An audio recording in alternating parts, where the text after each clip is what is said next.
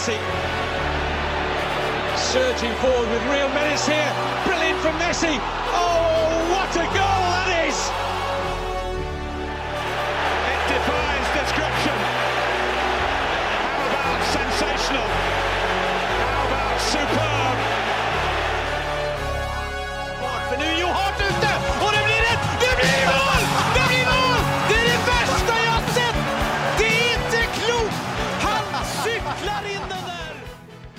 Ja da, da kan jeg ønske velkommen til episode 130 av den eh, berømte fotballpodcasten 90 minutter. eh, Veldig berømt. veldig berømt, ja. ja, ja. Med, med, med meg i eh, studio har jeg Søren Døpker, vår alles favoritttysker.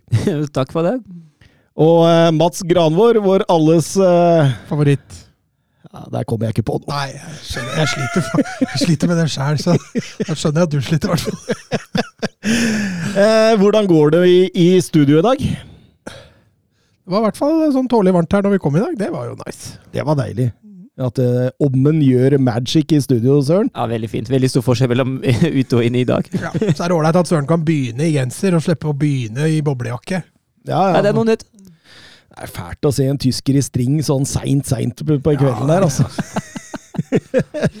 men, men du har det bra, eller, Søren? Jeg har det veldig bra. Jeg skal til Tyskland på fredag eh, for første gang på nesten to år. Og det gleder jeg veldig til. Jeg har allerede billetter til to fotballkamper, og det blir sikkert noen flere òg.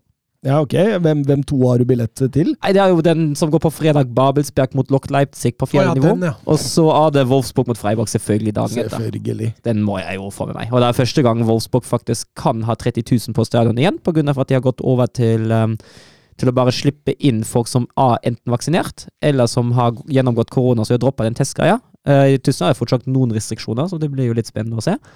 Men det blir i hvert fall muligheter for fullsatt stadion, selv om jeg ikke tror at det blir 30 000. Ja, ja, men det, det er jo artig, da. Eh, Christian Streich, eh, det er ikke bare bare det nå. Nei, det kommer til å gå fryktelig skeis. Kommer til å gå fryktelig streich. Fryktelig Streich. ja. Hva med deg, Mats? Alt bra? Eh, ja, det er jo planlegging til konfirmasjon, da, så jeg er litt sånn stressa. Ja, det er den jeg ikke fikk eh, Eller jeg, jeg blei invitert, men kunne ikke komme pga. noe Mm. Ja, så det er jo siste gang jeg inviterer deg til noe. Ja, det er forferdelige greier, altså. Nei, jeg blei støkt på jobb, altså, dessverre. Nei, jeg veit jo prioriteringa. Men uh, samboeren min kommer. Ja, jeg tror det. Ja, ja. Det er hyggelig. Det er hyggelig. Det er hyggelig. Um, Du kan jo si noe Tottenham, hun òg, så jeg kan jo prate med hun om Tottenham. i hvert fall. ja, det er bare å kjøre fotball med hun. Ja. Har lært mye på hjemmebane, hun. På heimebane. Hei på heimebane, ja. Ja, Åssen går det med deg? ja, jeg fikk det spørsmålet i dag. Nei, det, det, det går veldig bra. Det går veldig bra. Um, driver og planlegger at vi skal dra sammen med jentelaget jeg trener på cupfinalen for damer. Ja, riktig. Så, Spennende. ja, så nå Det blir gøy å dra på sånn kollektiv eh, Hva kan du kalle det? Spiller i Telenor, eller? Nei, Ullevål stadion. blir Ullevål, ja. Mm. Da har de fått lov å spille der òg, nå. Ja da, ja da. Så er det gratis inngang, vet du. Oi! Så da måtte vi jo bare hoppe på, på hele. Og det, det er mange som har meldt seg på, så det tror jeg blir ganske artig på Ja. søndag. Eh, Sandviken mot Vålerenga, så det, da får vi jo heie på Sandviken. Jeg syns det. Jeg syns absolutt det. Nå fikk vel de bildene tilbake i garderoben, så da Ja, stemmer det. Var det greiene der, det. Ja, Herrelaget til Sandviken spiller vel på nivå fire, så jeg skjønner jo at de ble litt uh... Hva i alle dager, liksom? Altså, hva foregår da? Det altså, at det går an? Det, det, det, skjø- det. Altså, ja, du, Der har det gått en kamp skikkelig dårlig, og så må man finne på grunner til at dette har gått dårlig. de, de forstyrrer oss! De, blir- de tenker på noe helt annet! Norges, Norges eh, beste kvinnelag om dag. Det er ja. Ja, ja. Nei Får ikke sin egen garderobe, i hvert fall. Nei, fjerdedivisjon, det, det er bedre. Eh, Twitter, eh, vi kan begynne der. Eh, Geir Halvor Kleiva han, han har satt opp et lite scenario for oss. Dere skal danne dere hvert deres lag og spille mot hverandre i en gymsal. Dere får velge fire lagkamerater hver. Dere får eh, velge blant hele jordens befolkning, faktisk. men, men dere får ikke velge samme person. Dere møter hvert lag tre ganger, og turneringen spilles til helgen. Velg. Kan jeg begynne? Ja, Ja, da tar jeg Messi, jeg. For han kommer ikke utenom, ass. Nei, du bare kjører Jeg på kjører rett på Messi, for da vinner jeg. Da er jeg samme hvem dere velger nå. Jeg vinner. ja den er jo, det er jo det beste, den beste spilleren man kan eh, Ja, velge. da. Og for, for meg er det jo litt sånn Har jeg lyst til å ha det gøy? Har jeg lyst til å vinne? Så ta Jim Carrey, du. Nei, det gjør jeg ikke. Men uh, altså, jeg tenker jo man kan jo bruke anledning til å sette seg opp et lag med spillere man alltid har lyst og, hatt, og kanskje har spilt sammen med. Så for mitt, mitt første valg det blir Kevin De Bruyne. Ja. Jeg, jeg begynner bakerst, jeg, da.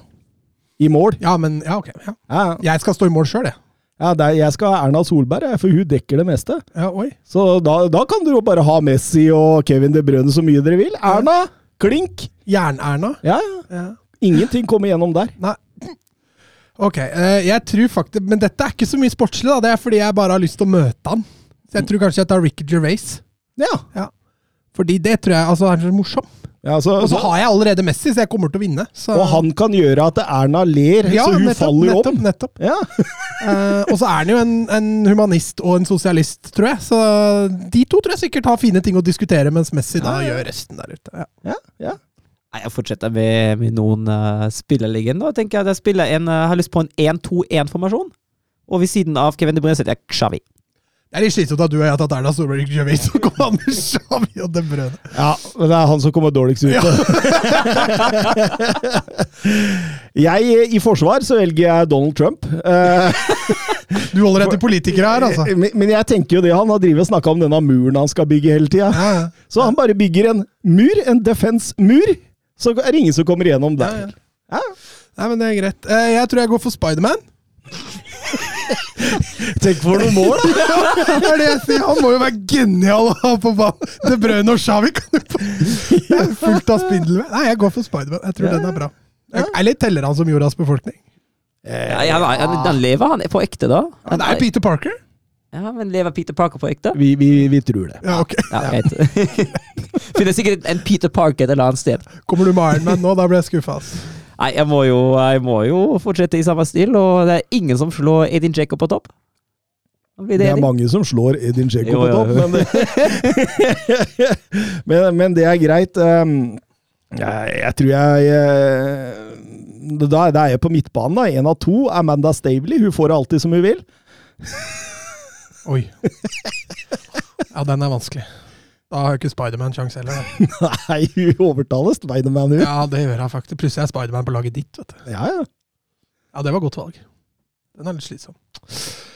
Ja, siste valget mitt da er litt sånn bob-bob. Eh, Ronaldinho er jo en type jeg har veldig lyst til å ha inn, eh, pga. fotball, selvfølgelig. Eh, men så har jeg lyst til å ha inn Mr. Bean òg, for der tror jeg til og med. Amanda Stavely ville fått til. Ja, altså. ja, ja, jeg tror, men jeg tror jeg går for Ronaldinho. Ronaldinho. Da har jeg fått mine to favorittspillere opp gjennom Ja. historien. Nei, jeg styrker mitt forsvar med Maxence Lacroix. ja, du gjør det, du. ja. Ja, jeg gjør det. Eh, da tror jeg jeg går for Stalin. Nei da. jeg, jeg må ha én fotballspiller inni her òg. Én fotballspiller må jeg jo ha, som på en måte kan eh, gjøre magien her. Da, da tenker jeg eh, Jeg går for Angers Sofian Bofal. Ja, Så du det raidet han hadde nå? Han er nice. Og, og jeg kan tenke meg at han er jo en spiller som fungerer bedre i et five-a-side enn på Stor bane, ja. stor bane. Så. Nei, så det, det, det Det har vært en artig helg, det der. da. Ja, det Å, tror du vel? Tror du Trump og Erna baki der og sånn? Det, det kunne blitt uh, heftig, uh, Søren. Em, vi kan fortsette med Alex Andreball på Twitter. Han sier 90 minutters Golden Boy-vinner fra 2021 Gi meg Nei, for meg er det Bellingham, Wirtz eller Pedri Takk over de andre. Kan dere velge én, eller blir det innvendinger i studio? Ja, jeg, jeg tror med tanke på hva som har blitt Altså, det, det er jo eh, Det er jo Det er jo EM òg, og jeg tenker at uh, både Bellingham og Pedri ligger et lite stykke foran Wirtz. I hvert fall i juryens kåring, med tanke på at begge to har vært en fast del av, uh, av landslaget under EM. Hvem av, uh, nå spiller jo Jeg syns Bellingham har Men det var, det var en voldsom shortlist der, så jeg. Ja, Det var jo fra spillere som knapt nok har slått igjennom på laga sine, som for eksempel Brian Brobby, til eh, bedre spillere, de som Alexandre Ball nevner her. da, og Du fant jo også Musiala, Nuno Mendes, Jeremy Er ikke Phil Foden der da? Nei, jeg så ikke han. Han er for gammel, tror jeg nå. Er han ikke U21, da? jeg tror jeg er U20, er det ikke U20? U20, tror jeg. Men Greenwood var der. Var der, Greenwood var der. Eh, Gravenberg var også der. Så det, det var jo nok av gode spillere Ja. der. Men jeg tror, eh, altså, jeg tror jo han har, han har altså, Jeg er jo enig med ham at det er på en måte de tre som har utmerket seg mest. Uh, Jeg tror kanskje vi tanke, med tanke på Haaland vant vel, han òg, i Ja, et han, han, vant, EM-år? han, han han vant i fjor, tror jeg. Ja, det var e- nei, EM-år i år, det. Ja. Stemmer det. Men eh, Følger- følger med. jeg, altså, jeg føler jo at uh, Pedri har fått veldig mye oppmerksomhet for sitt gode mesterskap. da. Så jeg tipper jo kanskje at det kan bli Pedri. Mm. Mm. Ja, jeg tror også Pedri er et uh, veldig godt tips. Uh, nå har han jo ikke vært så god etter EM, da. han har nok ikke spilt så mye heller. Men Bellingham har vært Var vel noe tungen ferie der. Ja, og så har han vært skada nå, da. Ja, For, for, for, for meg så er det Bellingham. For meg så er det Bellingham. han har vært outstanding, nå. Mm. Så, så, så han leverer jo, altså Han leverer jo voldsomt uke inn og uke ut. Det er jo non stop. Og, og, og, og det er så kraftfullt, og det er så masse energi, og det er innovativt. og det, det så på en måte, Han har jo tatt litt over rollen til Sancho som på en måte Haalands nærmeste støttespiller i angrepet til Dortmund der òg. Eh, samtidig som han gjør grovjobben eh, også. Nei, han, er, han er jo helt vanvittig. og nå, nå kommer også hans yngre bror Job Bellingham opp i Birmingham Akademiet nå. Han er vel 16. Så det blir spennende å se om Men han var spiss eller ving. Ja. Det er sjelden at det blir samme greia, men ja. Nei, vi får vente og se. spennende. Vi får vente og se, men eh, eh, Bellingham eller Pedri? Jeg skjønner vi har Varaka Wirtz. ja Blir vi enige? jeg kan fort bli altså, jeg kan fort bli begge to, altså. altså jeg, jeg, jeg tror det blir en av de to, men uh, Kan fort bli begge to. Ja, men nei, det blir det ikke. Går det an? Delt førsteplass. Nei, men Begge to har jo god mulighet til deg. Uh, og jeg er jo ikke uenig i det du sier, at uh, Bellinghams prestasjoner sånn uke inn og uke ut har Ja, men Pedri har liksom slått gjennom på landslaget. da. Ja, det er, det, er akkurat det, det, er det som er, det er det som er, jeg også tenker at det kan spille en stor rolle i, Mm. i år, i hvert fall. Ja, vi, vi klarer ikke å gi noe svar. Nei, jeg stemmer Pedri. Ja, jeg er enig med Mats. Ja, nei, men Da går vi for Pedri. Det er helt greit. Eh, vi ruller over til Premier League med en gang. Skal vi ikke gjøre det? Jo.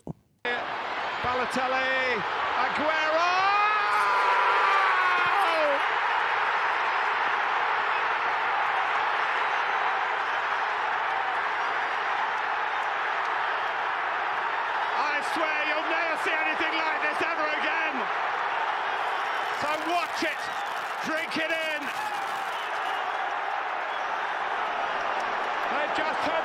Ja, og da begynner vi med Claudio Ranieris eh, managerdebut for Watford og han tok imot eh, Liverpool på Wickridge. og Altså, Claudio Ranieri hadde 80 eh, seiersprosent da, mot Liverpool i Premier League eh, på hjemmebane, så Det var det ingenting å, som tydet på under kampen, altså. Eh, Liverpool uten Fabinho Alison etter at de hadde vært med Brasil natt til eh, fredag. Og det, nei, dette er her. Det ble kjør, dette, Søren. Det ble kjør. Uh, syns Liverpool, Liverpool er jo best fra A til Å. Uh, Salig via sin høyre side. Uh, Watford blir jo veldig smal, og Liverpool kommer seg ut og rundt på kant hele tida. Uh, klarer å sette opp Sala i uh, diverse én-mot-én-situasjoner mot Rose, og da får Rose kjørt seg skikkelig. Stakkars, Rose, ja. Han var ikke klar for det der. Nei. Spesielt i første omgang. Der var det Ja, jeg, jeg, tror, jeg tror hadde ikke Liverpool leda så mye som de gjorde, uh, halvveis i andre omgang, hadde kunnet blitt et uh, større kjør da òg. Skal vi snakke noe om forspillet til Sala på 1-0 til med Mané der etter åtte minutter, eller? Ja, nei, den yttersidepasningen, den, er, eh, den er pur klasse over. Altså, så er den vekta perfekt også, liksom. Eh, Han slår den både inn i riktig rom, og den er vekta, så det, nei, det er, eh, det er fotball, eh, fotballmagi. Det er ikke godt, det er hakk over godteri. Ja, det var helt vilt. Manés hundrende Premier League-mål. Det, det er kun to afrikanere som har klart det før, kan du nevne Ja, det? Mohammed Salah. Ja, og Drogba. Ja da, ja da, ja da. Der er dere på ballen. Eh, Mané er også den tredje spilleren til 100 mål i eh, Premier League uten at noen av dem er på straffespark. Eh, Er den første, sa du? den tredje. Tredje? Skal jeg nevne de to første òg? Eh, det tror jeg ikke du klarer. Ja, men det er Premier League. Ja. Som har skåret over 100 mål, men ikke noen av dem har vært straffer. Ja, Men er det så jækla mange? Nei, det er jo to, da. Ja, ja, ja, men Jeg tenkte jo at det var eh, så mange som har passert 100. Men da er det kanskje det, da. Eh, Ah, nei, det, det er- altså, det er ikke noen forsvarsspillere som har skåret 100 mål. Nei. gigs! Nei, det er ikke Giggs. Er ikke på den lista. Det er eh, Les Ferdinand og Emil Heskey. Ja. Det var de to neste jeg skulle til. men, men eh, Mats, eh, Liverpool kjører jo eh, altså hurtig altså, det, er litt som å se på dem på, på sitt beste. Ja, ja. Dette var Liverpool på fire-fem sylindere hvor alt tuta kjørte, så Watford var egentlig ikke i nærheten. og de skapte vel heller ingen store sjanser før godt ut i andre omgang, når Liverpool hadde begynt å, å slakke litt på gassen. Eh, men, men i dag funger, altså i dag, se. På, på lørdag fungerte det jo. Mm. Altså Firmino var tilbake igjen og var god. Salah var outstanding. Eh, selv om de mangla Fabinho, så gjorde de ikke det. Jeg syns Milner også har en av sine bedre kamper på lenge. ja, tenk det. Og, og Keita òg. Plutselig så jo plutselig ut som en decent fotballspiller. Og til og med Mati på van Dijk hadde jo lite å gjøre. Det blir jo i praksis sånn at Liverpool kan nesten bestemme litt hvor mye skal de vinne. Ja, det, og den ser de jo etter, etter 5-0. Da slekkes de jo Eller etter 4-0. Unnskyld. Slekkes de jo Slekkes de jo veldig på tempo, og man tenker sikkert allerede på neste oppgave i Champions League mot Atletico. Ja, Han bytta ut begge wingbacka sine òg, så det er tydelig at uh... Og balltem altså balltempoen er jo ekstremt høy. Det blir jo ekstremt få touches i første omgang, og de tar seg litt grann bedre tid sånn midtveis uh, i andre omgang og videre.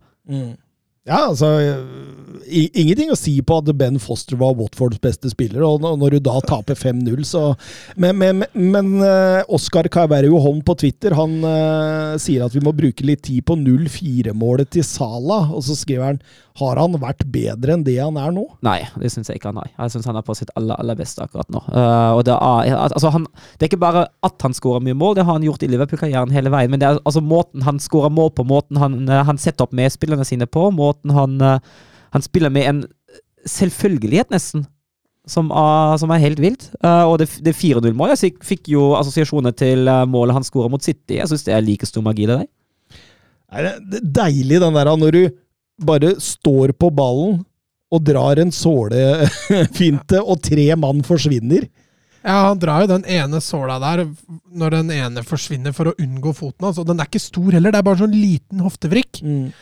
Eh, og det rykket han har etterpå, som uh, Jeg husker ikke hvem var det Cathcart som forsvant? Det var, han forsvant to ganger. Ja, og- Og den skuddfinta til slutt. Uh, det, er, eh, det, er, det er fotballkunst, det òg.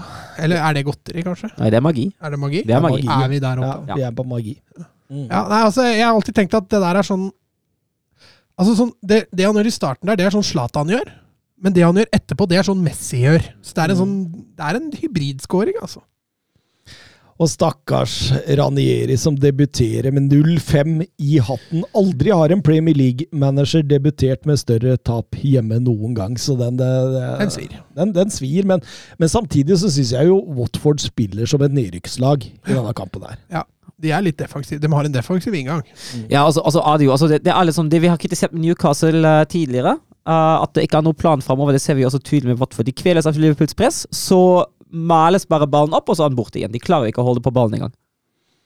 Ja, helt riktig. Bra, bra seier 0-5 til Liverpool, og vi kan over til Leicester mot Manchester United. Og der gikk det jo rykter om at både Varan og Maguire um, mista kampen. Nå kom Maguire med, og det, det, det ble vel kanskje en liten blessing in disguise. Ja, det, For Leicester. det var det, det Ja, Leicester må jo juble sånn i ettertid, for det Harry Maguire viser her, det er ikke bra. Den, vi- den videoen, har du sett den på Twitter? Når han står rolig sånn På fire- på 4-2? Ja, og så, bare går man, og så ser du han står bare helt rolig. Ser ut som han ikke veit hvor det er. Helt nydelig. Og, og Leicester begynner Leicester-fansen begynner vel med å synge Harry Maguire, he drinking vodka, he drinking Jeger, and, he, and his head fucking massive. ja, det virket i hvert fall som han var full den kampen. Han var vel, uh, Ja, var vel direkte involvert i tre mål, eller hva det var? Den 1-1-skåringa Ja, det var fryktelig, altså. Forferdelig timing. Altså, han, er, han venter jo både på ballen og motspiller der, istedenfor å gjøre et utslag av det. Nei, det var grusom opptreden av Maguire. Ja, men altså, Det begynte jo allerede tidlig. Han begynner jo å rote i frispillinga veldig tidlig i kampen allerede. Og har han jo én-to pasninger som går fullstendig feil. Egentlig ganske upressa òg, så nei.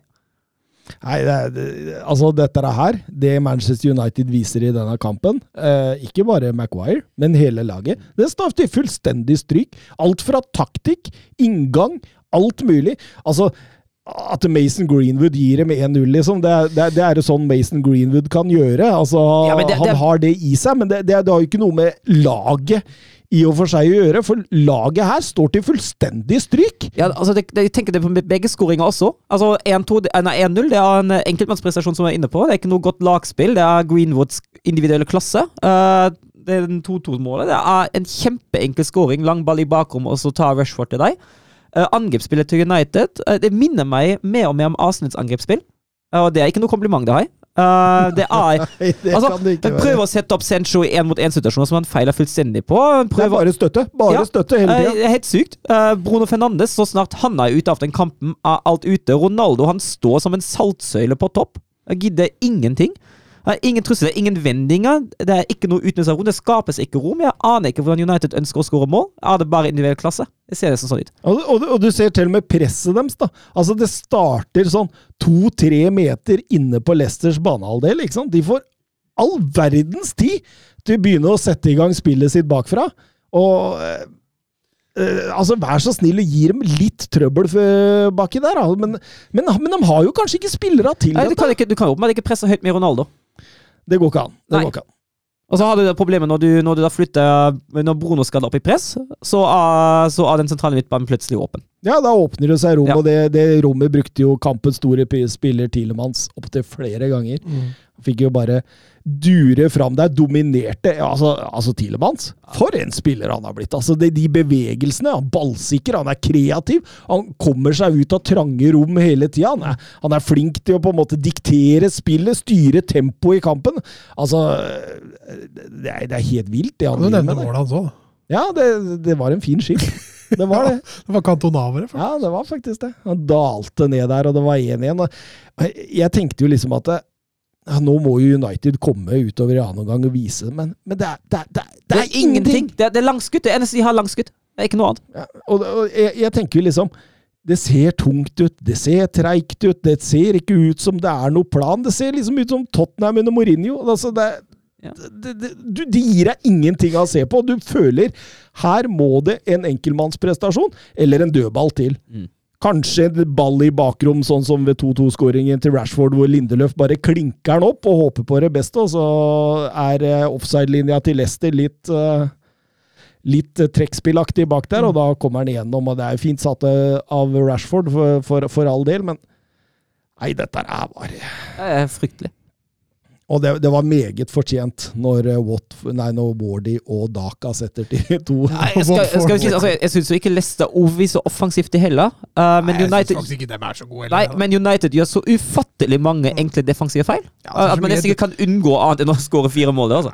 Altså, er det så mye enkle, enkle feil, sånn enkeltmannsmessig. Mm. Altså, du kan jo si så mye du vil også om at laget er ræva, men altså, når Maguire aleine har tre personlige feil, så blir det jo vanskelig å slå Leicester borte. Men jeg, Pogba syns jeg var ok. Jeg syns han tok med seg litt positivt fra landslaget, men det er veldig lite å ta tak i der som er positivt. altså. men jeg, jeg tenker jo bruken av Maguire Nå var han jo skada, og så har de tydeligvis kjempa en tid med klokka for å på en måte få han klar. Og, og hadde det ikke vært bedre å bare kjørt Bailly der, da? Ja, altså, etterpåklokskap i hvert fall. Og så er det jo alltid greit å bruke de spillerne som faktisk er friske og tilgjengelige. Han så ikke frisk ut. Nei, han gjorde ikke det. And his head's fucking massive. Mm. Jeg flirer av den sangen, altså. Um, United tapte første gang borte siden eh, januar 2020. Det var eh, 2-0-tap mot eh, Liverpool på Anfield. Det blei 30 kamper. Det er jo sterkt. Ja, det er sterkt. Det er eh, voldsomt sterkt. Og ehm, vi må svare noe Twitter-spørsmål her òg. Van Dahl, kan det ha vært dumt å hente Ronaldo eh, for Solskjær? Ja, altså med tanke på Jeg hadde jo Altså, det var vi vel inne på før at det hadde vært bedre å prioritere defensivt midtbanespiller enn dyptliggende deg. Uh, uavhengig av uh, hva Ronaldo bidrar og ikke bidrar med i, i United-spill. Men altså det som er jo hovedutfordringen, er at han, han er den store stjerna. Uh, og så tør Solskjær opp med at ikke selv sånne ikke-prestasjoner som den kamp mot Leicester, han tør ikke å ta han av, ser det ut som. Han spiller hele Han har jo ikke heller ikke noen gode alternativer inn, da. Neida, men... Han har ikke noen reine spisser på, på benken heller. nei, men det hadde jo kanskje vært bedre å bare. Kjøre Greenwood opp. er bare Greenwood opp Ja. og Lingard på kant. Det er greit, det jo, kan jo funke, det. Uh, og så bidrar han jo veldig lite i presspillet. Det er jo kanskje det største problemet, da. Jeg tenker at Ronaldo kan slutt være den som gir Solskjær sparken. Ja. Fordi, altså, det, og det er det neste problemet. Fordi han, altså Med Ronaldo-overgangen har jo forventningene utenfra økt noe massivt. Nå forventes det at det, at det kommer noe, noen titler, noen trofeer, og det kommer ikke Solskjær til å klare.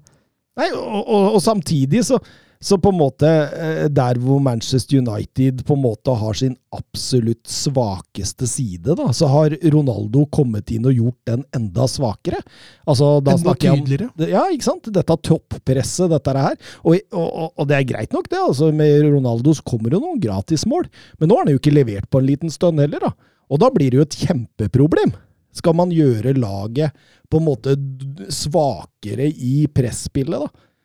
Og så samtidig så får du ikke noe mål for L. Det, det, den der, der kan bli tøff for han, altså. Ja, altså Ronaldo, om han var feil altså, Hvis du ser på det utenomsportslige, så er det jo vært, er det jo en gedigen suksess å hente Ronaldo uansett, nesten for hvilken som helst klubb. Men sånn som dere påpeker, sånn rent sportslig, så, så har man en utfordring. Det blir veldig spennende å følge med der, og det, det er klart det at eh, jeg tror Solskjær kan tape uansett, da. For hvis, hvis, hvis Ronaldo skårer massevis av mål, så, så, så, på, så på en måte så forventes det at ok, nå skal du vinne. Nå må du vinne, for nå har du fått deg en spiss som skårer 25-30 mål i sesongen. Og, og, og, og jeg tror ikke det, de er gode nok til å vinne. da. Selv med 30 mål av Ronaldo. ja, jeg tror ikke det. Jeg tror ikke det i det hele tatt. Det, det, det er. Altså, som jeg diskuterte med en eh, på Twitter, en Manchester United-supporter, så er det liksom sånn eh,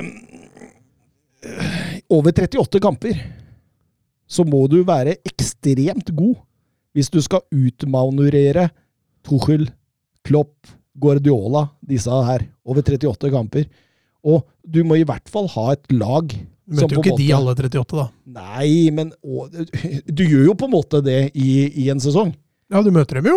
Ja, ja, men du møter jo Men du må, du må jo også altså, utmanøvrere Rogers og Jo da, jo da. jo Farke da. og den Men- gjengen men, der òg. Jo, jo, men det er jo sidestilte kamper som alle må. Men du må på en måte Altså, du kjemper jo mot alle disse her. Over 38 kamper. Du må være bedre i de andre kampene enn de, og det er det som er problemet. Og, og, og, og da ligger det et problem. Altså, hvor mye bedre lag må Solskjær ha for å kunne utkonkurrere disse over 38 kamper? Det er ganske mye bedre Ja, fotballag. jeg, jeg tror ikke han har klart det med PSG-laget heller. Nei, ikke sant? Det er det jeg, det jeg tror, jeg òg. Så her tror jeg liksom eh, det, det er ingenting å hente igjen, da. Det går ikke. Jeg tror vi får ganske gode svar de neste to ukene, når de møter Atalanta, City, Liverpool og hva siste Arsenal, var det? Tottenham møter de vel nå? Får de juling. Ja, da får de juling. Jeg tror vi får ganske tydelig, jeg tror vi får gode svar der, da. Da møter de jo bare topplag de neste kampene. Alex Andreball på Twitter han skriver eh, tvinges Ole Gunnar Solskjær til å endre system. Vraker han eh, Ronaldo? Fortsetter han i samme spor og får fyken til slutt, eller fortsetter han i samme spor og det løsner? Hva tror dere skjer, og hva synes dere bør gjøres? Det siste der skjer ikke, i hvert fall. Fortsetter i samme spor og løsner. Det, Nei, jeg- det har jeg ikke noe tro på. Jeg tror det Jeg syns altså, jeg syns det ser fryktelig fryktelig tungt ut. Og jeg tror vi har kommet til det punktet da det, da det begynner å, å lukte avskjed fra United. Men der har vi vært før, da. Ja, Det burde vært det gjort det før. Det er det som er greia. Da hadde United vært lengre framme i skoa. Ja, men nå, altså, nå, nå har han på en måte Nå har han ikke lenger den bonusen Nå har han ikke lenger den bonusen uh, type jeg vant i start. Jeg har han ikke lenger den bonusen laget A ikke fullt så bra. Altså ja, laget A ikke fullt så bra, jeg er jo helt enig i det. Med tanke på de investisjonene som har blitt gjort nå, med tanke på spillene som har blitt henta inn, uh, kommer presset fra utsida til å være et helt annet enn det vært tidligere i Kayan. Jeg har begynt å se den Ole Out på Twitter. Mm. Så jeg- jeg jeg tror ikke-. Jeg tror ikke han har trena neste sesong i United. Det kan jeg ikke se for meg. Skal du vedde en Nei, det skal jeg ikke. Blir klok av skade. Ja, men, men han, får denne, altså jeg, han får denne sesongen. Men så viser det jo seg at nok en gang at de kommer til å kjempe om en fjerdeplass og ryker i kanskje kvartfinalen i Champions League og, og litt sånne ting. Og det er jo sesongen man forventer at de skal ta steget, da. Mm. Og Nei, sånn de har vist de siste kampene nå, så er de veldig langt unna til og med topp fire, tror jeg. Det tror jeg òg. De de må De- de må opp hvis de de må skal opp flere hakk, ja. Og, og og med tanke på hva som skal gjøres, altså jeg tenker jo det viktigste hadde vært å få til et no, en noenlunde struktur, et noenlunde system offensivt, for det er helt fraværende. Baserer seg kun på individuelle prestasjoner. Baserer seg kun på utfordringer på kant, på at Bruno har et eller annet genialt, og da må det gjøres noe med. Den aller første steget som kunne ha blitt gjort, med tanke på at United liker å overloade så godt den venstresida, og bare kjøre litt med vendinger ut på høyre og utnytte det rommet som oppstår der, for det ser jeg nesten aldri. Kjøre en god gammel uh, Lucien Favre, er det det du sier? Ja, altså, men, altså bare, et, bare, et, lite steg i riktig retning, da. Men det hadde vært et første steg. Ja da, ja da, for all del. Nei, eh, dette blir eh, spennende å se på videre, hvordan det går med han godeste gafferen. Eh, vi tar turen videre til eh, Manchester City mot eh, Burnley. og Burnley kom vel til, til Etiad med Altså, de hadde null seire, null uavgjort og fire tap, og 0-20 på de siste fire besøkene. De fikk vel stadig vekk fem i sekken på hver eneste kamp. og, og, og Pep-ruletten, den fortsetter, den. Han hviler jo Walker, Diaz, Graylish eh, fra start. Jesus og Ederson var ikke klar etter Sør-Amerika-kvalet. og jeg, jeg, jeg syns ikke det blir særlig synlig. Jeg syns jo City er det klart beste laget. Ja, men her har du jo et lag da, som ja. har et tydelig, tydelig, tydelig, print. Så det er klart, bytter ut, bytter ut et par spillere der som De her kjenner jo fortsatt systemet, og da, da, merker du jo mindre forskjell. Ja, ja de, de møtte jo for så vidt et lag òg som har et tydelig print, om vi får bruke det. Men uh, mens Sean Dyche, han Helt i starten av kampen der, så tenkte jeg, for han kjørte jo så opp med både Cornet og McNeil, mm. så tenkte jeg jøss. Yes, har Sean Dyche gått bort fra 4-4-2 her?! og så tok det en to-tre minutter, og så var McNeil nede på venstre og, Cornet oppe sammen med Wood, og så Nei da, selvfølgelig har han ikke det!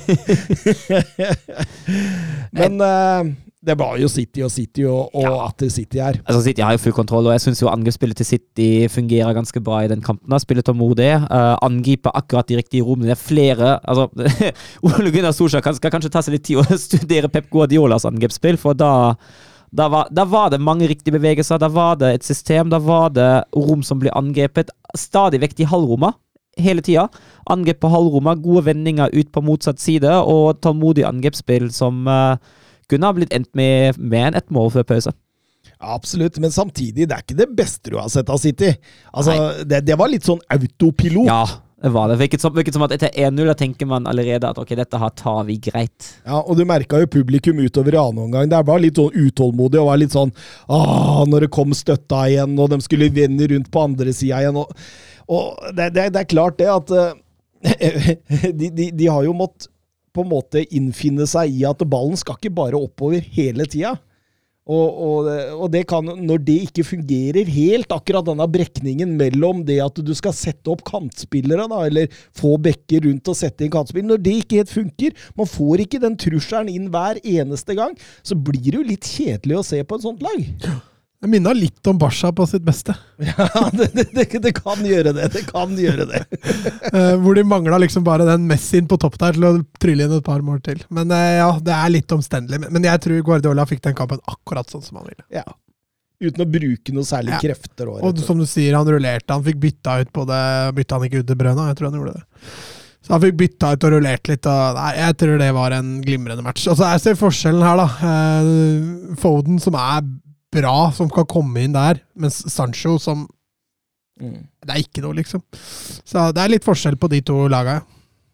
Um, ja, nei, Burnley var ikke i nærheten i realiteten, og, og i god kontroll på halv maskin. Kevin De Brøne satte 2-0 eh, etter 69 minutter. Det er så deilig å se der, hvor mye mer på han er enn Burnley-spillere. For han leser situasjonen nesten et sekund altså, før alle andre. Mm når han blir takla der. Så, fordi han har tatt den bevegelsen før alle andre, så har han ballen når den detter det. Jeg tror Burnley-spillet tenkte det er straffespark. Ja, eller så ja, det, hadde, det hadde jo blitt hvis han ikke hadde skåra.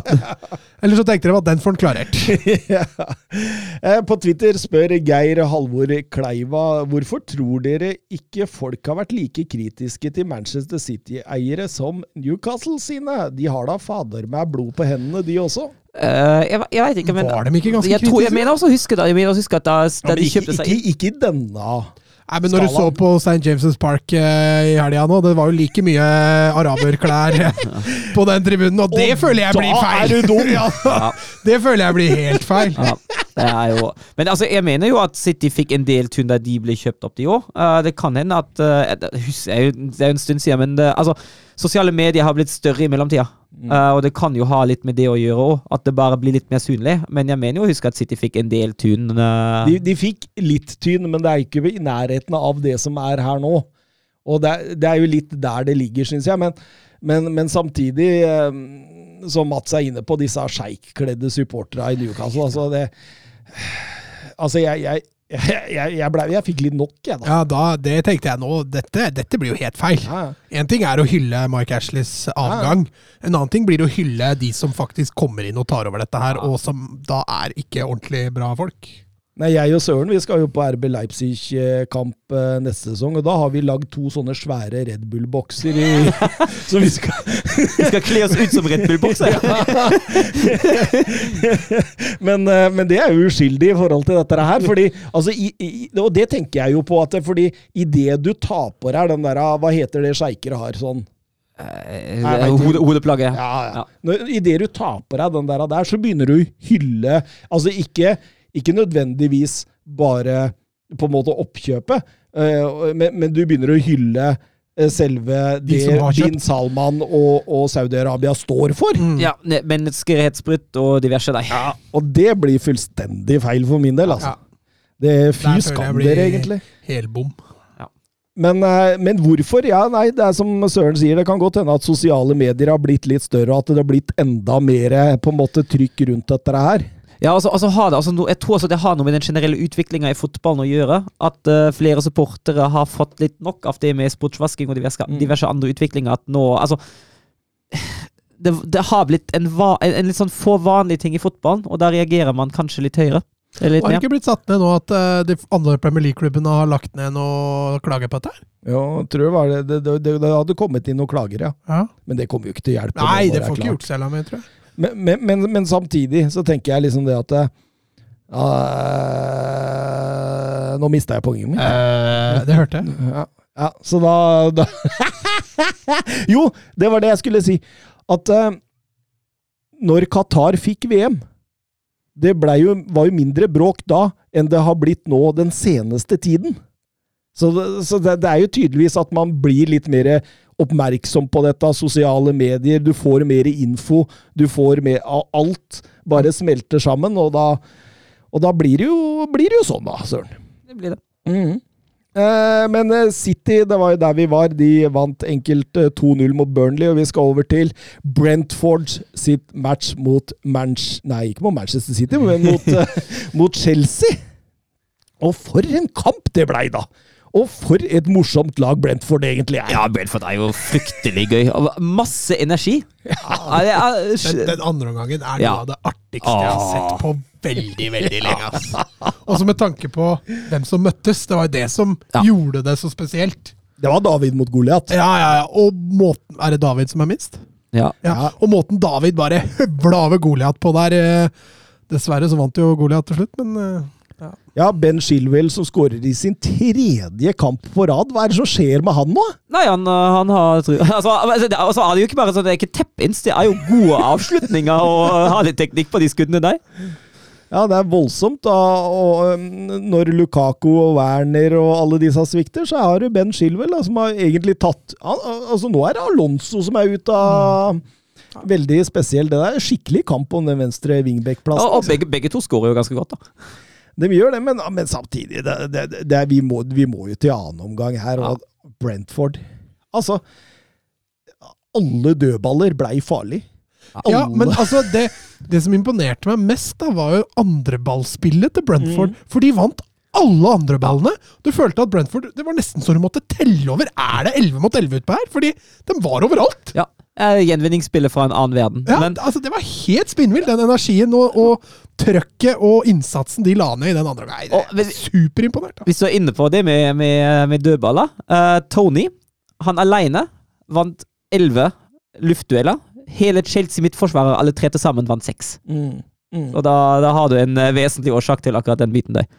Ja, det, det, det, og, og, og, duellen eh, Shaloba-Tony, ja. den var jo utrolig artig å se på. da. Og hvor mye tjuvtriks det egentlig ble gjort mot denne Tony, som, som egentlig sto rakt fram med brystkassa opp og bare liksom altså, det, var ikke så mye sutring. Det var mer 'her skal jeg krige for klubben min'. Det, det, det var eh, Altså, jeg er så imponert jeg, over det Brentford eh, driver med, og, jeg, og underveis der så tenkte jeg dette her kan faktisk bli en av de hardeste bortekampene Tottenham spiller denne sesongen. Ja, i hvert fall med tanke på Hvis hva det du sånn. i hvert fall med tanke på hva du forventer på forhånd, så er det, er det jo den hardeste. Ja, det er litt sånn, det er litt sånn Burnley på speed. Ja, det, ja det, på, på dobbeltspeed, for det, det, det, det, det der. der. Og, Boemo skyter i stanga der. det er- det er- Du begynner jo å føle litt mer. ja. Og men de står sin livskamp i tillegg. Da, Det har vært fremragende, da. For en kamp han hadde. ja, eh, tilføyer seg en rekke av mange, mange andre. Mendy har vært helt fantastisk. Og vi har fått litt spørsmål om Mendy på Twitter også. Nico CFC, er eh, Mendy den beste keeperen i Premier League nå? Kan jeg si den beste skuddstopperen? Ja, det kan du si. Ja. Mm. Det får det an, etter min mening. Definitivt. Og så er det jo spørs hva man foretrekker i en keeper. han, er, han er god én mot én nå. ja, han er det. Ja, men altså, der, men der er det enig. Der er det flere. Alison nå er Mm. veldig god én mot én. Og så er det andre keepere som har bedre med ballen, eh, ballen i beina enn uh, Mondi. Han er ikke kjempedårlig på det heller, men han er ikke Alison eller Ederson uh, på den fronten. Men han er, altså, han, han er helt der oppe. Mm. Og skuddstopperegenskapene er fremragende. Jørgen eh, Be Ready Nystuen, eh, kan vi få Mats, som i sist episode nevnte at det skulle sitte langt inne å innrømme en feil, til å innrømme at ordene hans rundt Mendy når han kom til Chelsea var feil? Hva var det jeg sa når han kom til Chelsea? Nei, at det kommer til å bli masse tabber og Du, du, var, du Sa jeg ikke- masse tabber? Ja, du sa det, at det var en typisk tabbekeeper, sa du. Ja, men det står jeg for ennå.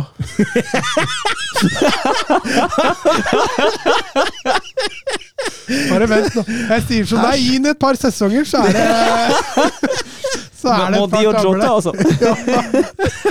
Nei, men vet du hva, det mener jeg nå. Det kommer snart en tabbe hvor han får et tilbakespill og gir den rett til motstanderen.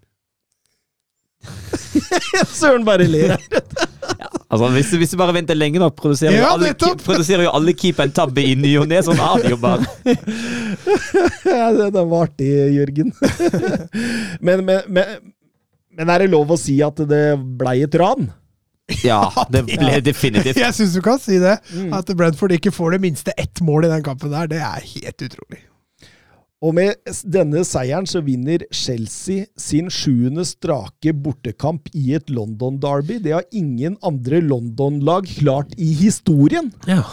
Kan, jeg kan jo også si at jeg reagerte litt på én ting med tanke på hvordan kampen har utvikla seg, og det er at han ikke bytta inn Jorginho. Det syns jeg var veldig rart, fordi akkurat den type midtbanespiller, når vi er inne på gjenvinningsspill, når vi er inne på nesten hvordan Brentford nesten kveler Chelsea mot slutten, da, at han ikke tar inn Jorginho, syns jeg er veldig merkelig. Ja, fordi han er veldig flink til å på en måte eh, sette tempo i Ja. kampen. da. Og, og det er klart det at han, han kunne nok hatt behov av et par midtbanespillere der som på en måte klarte å kontrollere Mhm. tempoet mye mer, og så holde litt på den der av kula. Det, det, var, det var vanskelig for Chelsea, dette her. Altså, de, de har griseflaks at de kommer unna dette med tre poeng. Mm, det har de. Bør spandere en uh, runde i banen på Mordi hele gjengen, altså. ja, det bør de gjøre. Eh, Vi skal over til eh, Saudi-Arabia United mot uh, Tottenham Hotspur. Og da, da skal vi over til uh, For en stemning det var der før kamp! Ja, altså jeg vil jo påstå at fram til det var spilt 17 minutter, så var det Det er lenge siden det har vært den type stemning på St. James', altså. Ja, det var voldsomt. eh, Det var enormt trøkk, altså. og det var jo Altså, Steve Bruce eh, leda jo laget. Det var jo veldig mange som eh, skrev at eh, Steve Bruce skulle være ute til denne kampen. Eh, var også litt overraska at jeg så Sports Direct fortsatt på St. James' Park. Jeg tenkte at den røyk ganske tidlig, eh, men eh, nei da. Der var det akkurat som ved Mike Ashley, bare det var mer trøkk Ja. fra, øh, fra publikum. Og trøkk, det fikk du fra spillere i starten òg. Ja, nei, De gikk voldsomt ut der. Eh, Det var nesten ikke til å kjenne igjen Steve Bruce sitt lag der når de gikk ut. eh. De møtte jo da et antatt topplag også, så da pleier jo Steve Bruce å gå over til en slags 8-2-formasjon, og det, det så vi ikke noe særlig til i den kampen her. Eller i, i de første minutta, i hvert fall. I de første minutta, da altså dem, jeg, jeg tror Tottenham tenkte litt sånn Hva treffer oss nå? Ja, dette har ikke vi sett på, analyse, på analysen! Nei, og, og samtidig syns jeg altså Tottenham De bidro sin, til, til, sin del til det, med tanke på Jeg syns presset på ballfyra var helt Ja, katastrofalt i starten. Det var, det var altfor mye rom. Mm, mm.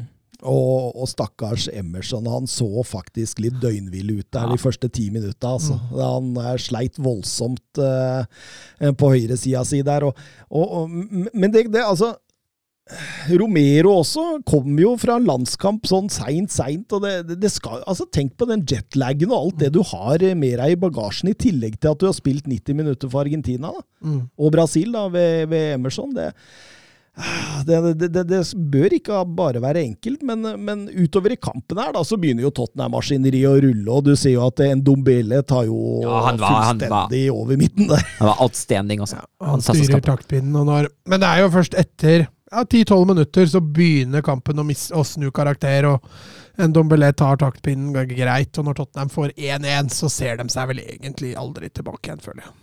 Nei, og 1-2 med Harry Kane rett etterpå der òg. Alle tror det er offside, inkludert Harry Kane, som bare går rundt og smiler etterpå der, og så ser Men det har jeg sett, de har ikke begynt med de strekene ned fra hvor de måler fra. Nei.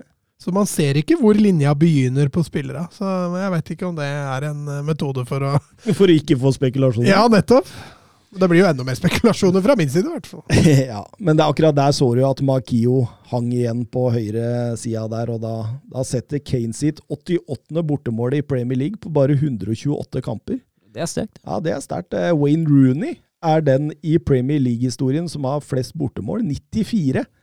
Og han gjorde det på 243 kamper, så han er jo i godt i rute til å bli Går nok forbi eh, kanskje allerede denne sesongen. her? Han gjør nok troligens det. Han, eh, han så ser bedre ut nå enn på lenge òg. Og, og du ser, han faller ikke så dypt lenger. Mm. Ser du det? At han ligger oftere og, og sniffer nå. At åpenbart så, så, så vil Nuno Espirito Santo utnytte han som en mer target-spiss igjen. Og det, det, det tror jeg, så lenge en Dombelle fortsetter sånn som han gjør, så tror jeg det kan være bra. Ja, og ikke minst Son.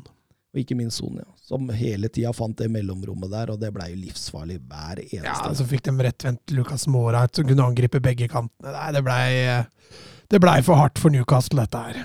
Du ser Joe Linton og Maximæ. De bidrar ikke voldsomt mye defensivt, selv om de er i hvert fall Maximæ er fryktelig artig å følge med offensivt. Han er klin umulig å ta fra ballen. Ja, han er helt rå.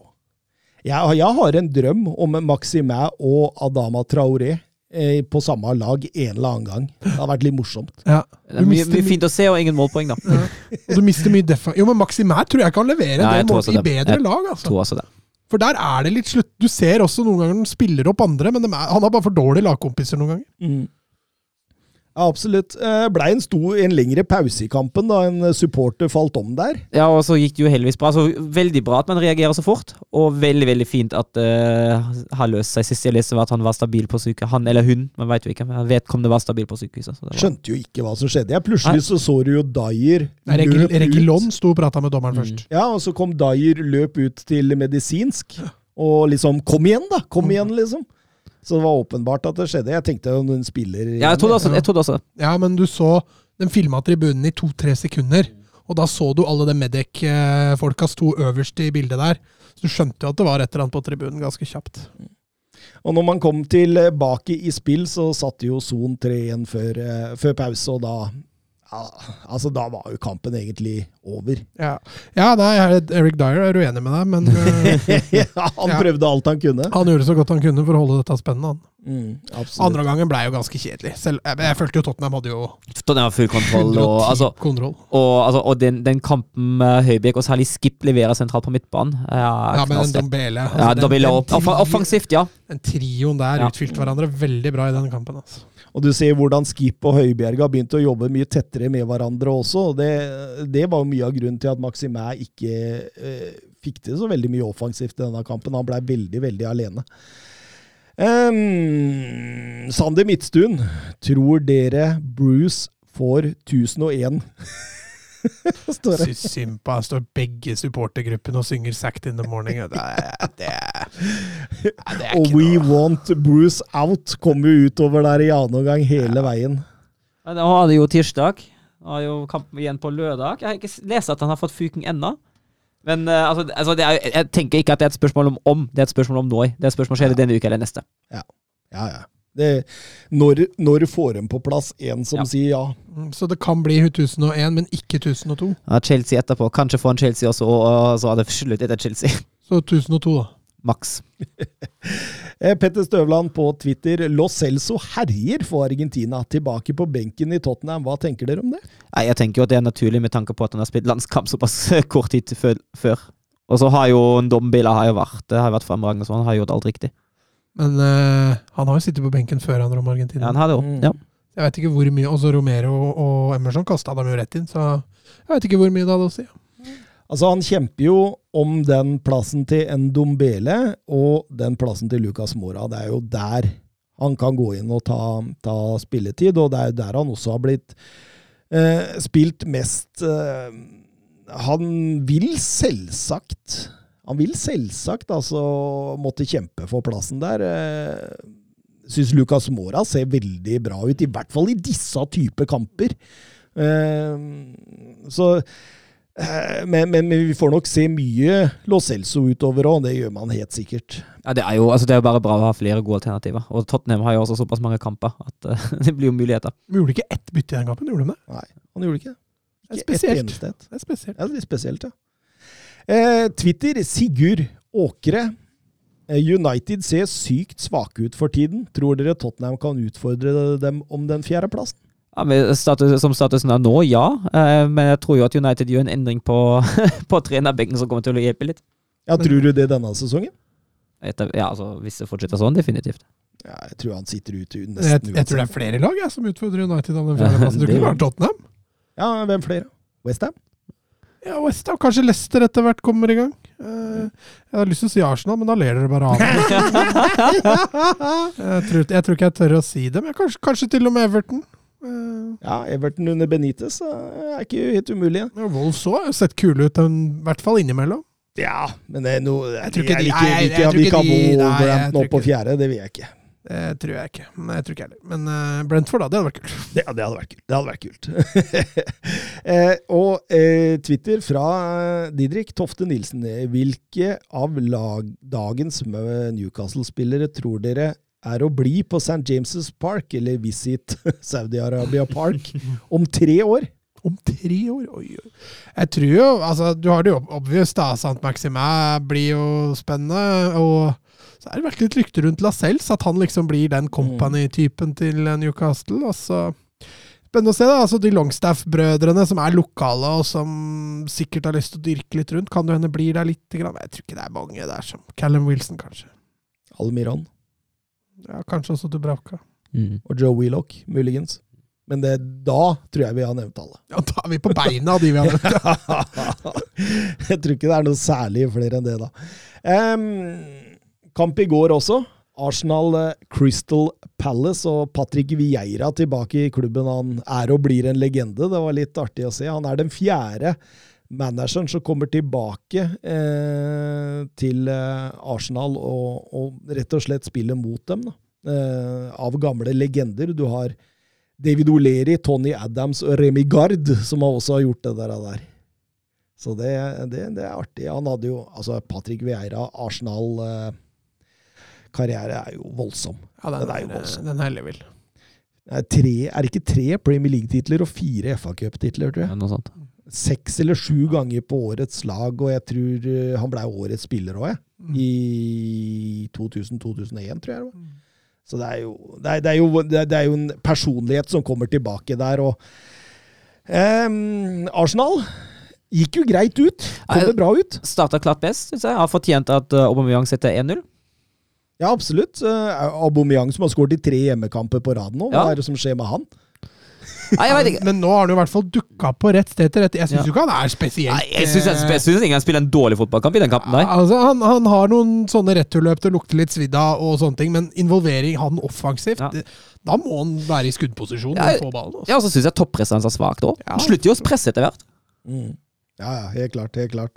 Og, eh, men, men samtidig så syns jeg Arsenal åpner bra. Altså, de, de, de får Palace litt på bakbeina. og Palace sliter i oppspillsfasen, og de får aldri de kreative spillerne på ball. og, og det kommer inn i et sånn behagelig spor rett og slett for Arsenal, og, og det blir kanskje litt for behagelig, for etter hvert så jobber jo Palace seg inn i matchen. da. Ja, for altså, jeg, som sagt, jeg, jeg syns jo presset blir for dårlig hos Arsenal. Det starter jo med Aubameyang. Det er ikke bare Aubameyang, det er av hele laget. Uh, og når presset blir for dårlig, uh, som neste konsekvens blir det noen feil posisjoner på midtbanen. Særlig Ødegaard syns jeg ofte er ute av posisjon.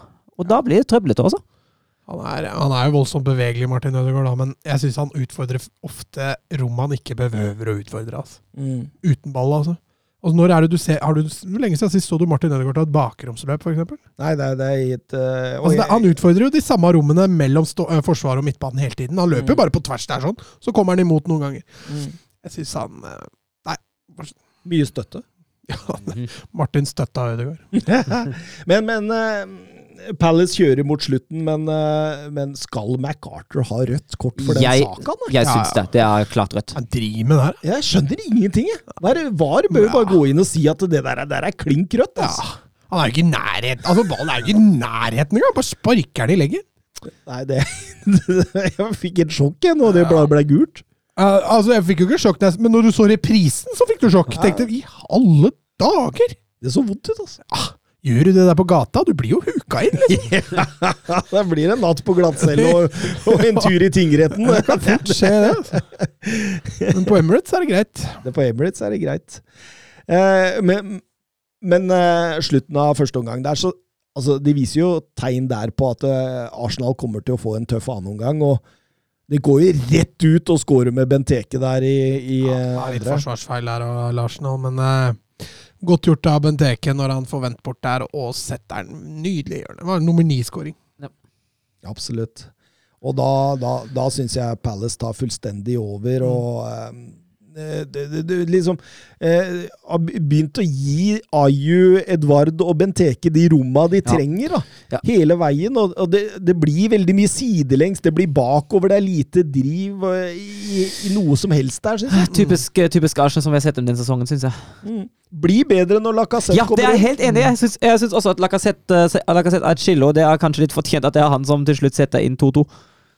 Ja, Nei, men måten han drar opp publikum på altså, Det blir mye mer entusiasme på måten han spiller på. Ja, altså, altså, altså angriper han faktisk rom, da. mm.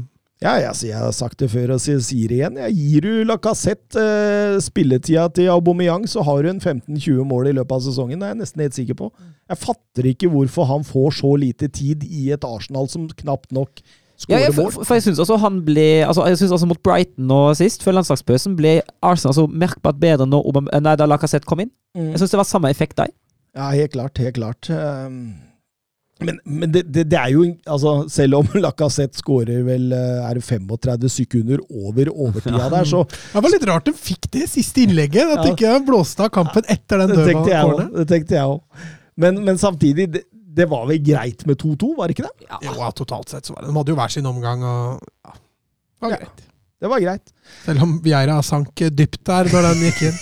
jeg, Jeg kjenner igjen den feelingen der, ass. Den er grusom. Men den blei så baktunge siste ti minutta der, Palace. Ja, den blei det. De, det eh, det er vanskelig å forsvare seg så dypt eh, såpass lenge. mm. Helt klart. Eh, Skal vi over til eh, La Liga? Ja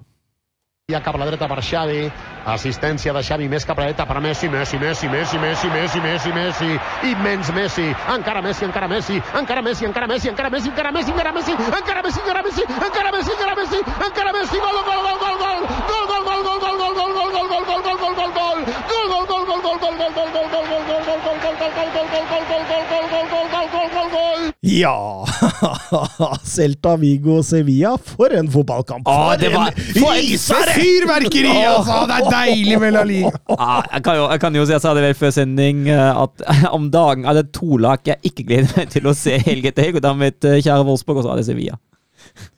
Ja, det, det er blitt en ekstrem versjon av Atletico Madrid. Ja, det er helt sykt. Altså, men det, det er enda mindre Det er enda mindre underholdende. Det er helt sykt. Altså, de Altså, Den første omgangen der, det er noe av det jævligste jeg har sett noensinne. Altså, det, altså Altså, de, du, jeg går alltid gjennom highlights på et par kamper når du går gjennom highlights på Sevilla. Altså At de fikk tyna ut tre minutter der, det var Det var noen langskudd der som du tenkte Er det med på? Det ligger et det highlights-video der de hadde seks minutter, og så var tre og et halvt av de seks minutter var før avspark. Ja, det er. Hele innmarsjen, og du får liksom hele greia.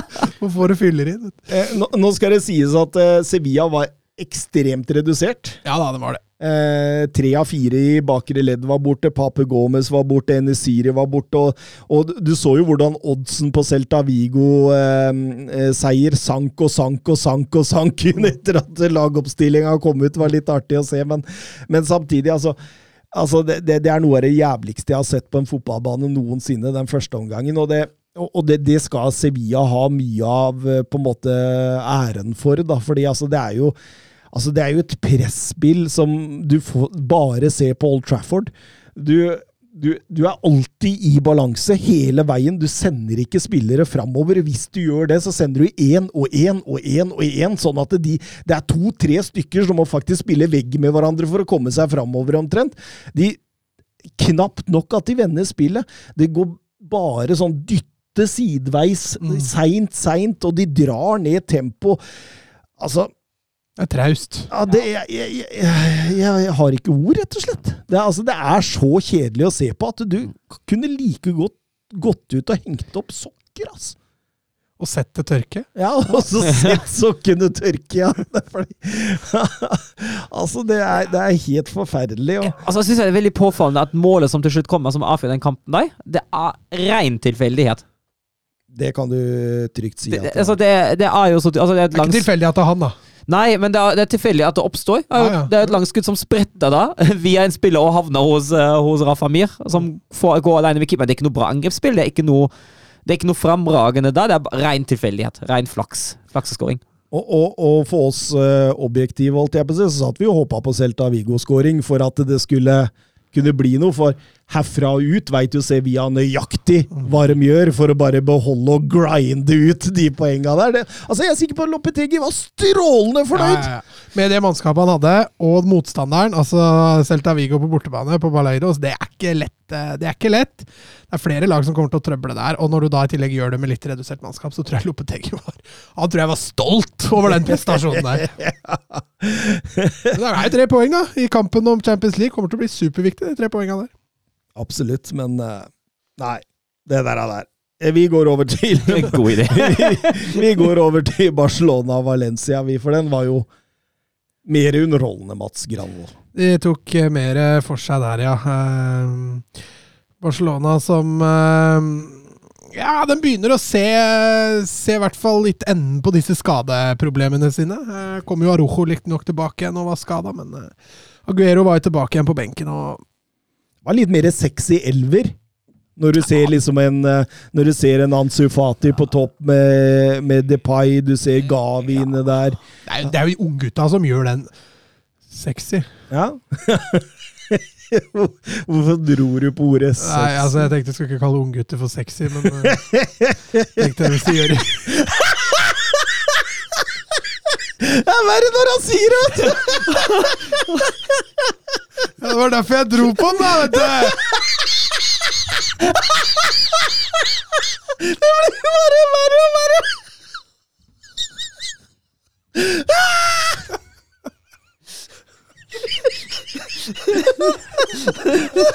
Det er det sjukeste jeg har hørt på lenge, ass!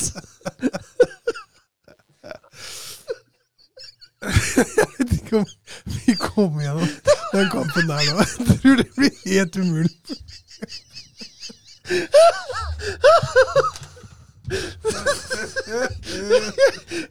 Jeg vil ikke kalle unggutter for sexy, men det var derfor jeg dro på.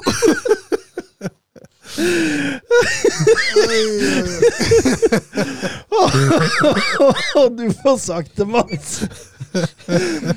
Men uh, over til noe annet. Da. Det så jo mer sexy ut, dette laget til Valencia òg. Fått både Gaia og, og, Soler tilbake igjen. Ja, og med Hugo Duro og Geders på hver sin kant, så er det jo bare Maxi Gomez som er litt slitsom å følge med på, egentlig. Han faller mye, altså. Ja, Og så syns jeg ikke han er spesielt god heller, sånn generelt sett. Han er, han er brukbar i boksen, men han skårer jo ikke sånn voldsomt i mål heller. så Han er litt slitsom med tanke på måten han skuespiller så mye.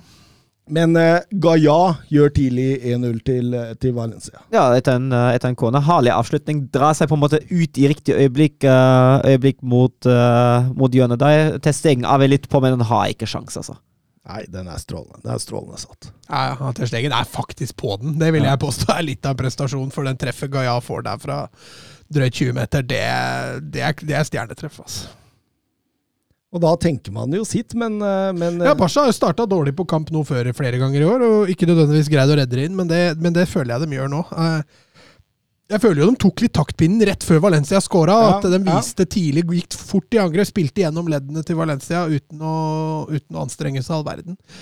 Eh, og så går Valencia rett opp og skårer. Men, men de bare fortsatte. Golden til Ansu Fati er jo strålende. Jeg syns Simen Stamse Møller oppsummerte det bra med wow! ja, Fint veggspill der, eh, og, og bare banker den inn i lengste. Et strålende. Første start for Barca siden eh, november 2020. Og så gjør han det der. Det, er, det, er, det er ikke annet enn stort. og Kunne jo blitt en uh, golden boy, det der òg, hadde han vært skadefri, Mats. Ja, det kunne det absolutt. Det er vanskelig å bli golden boy på fire kamper. ja.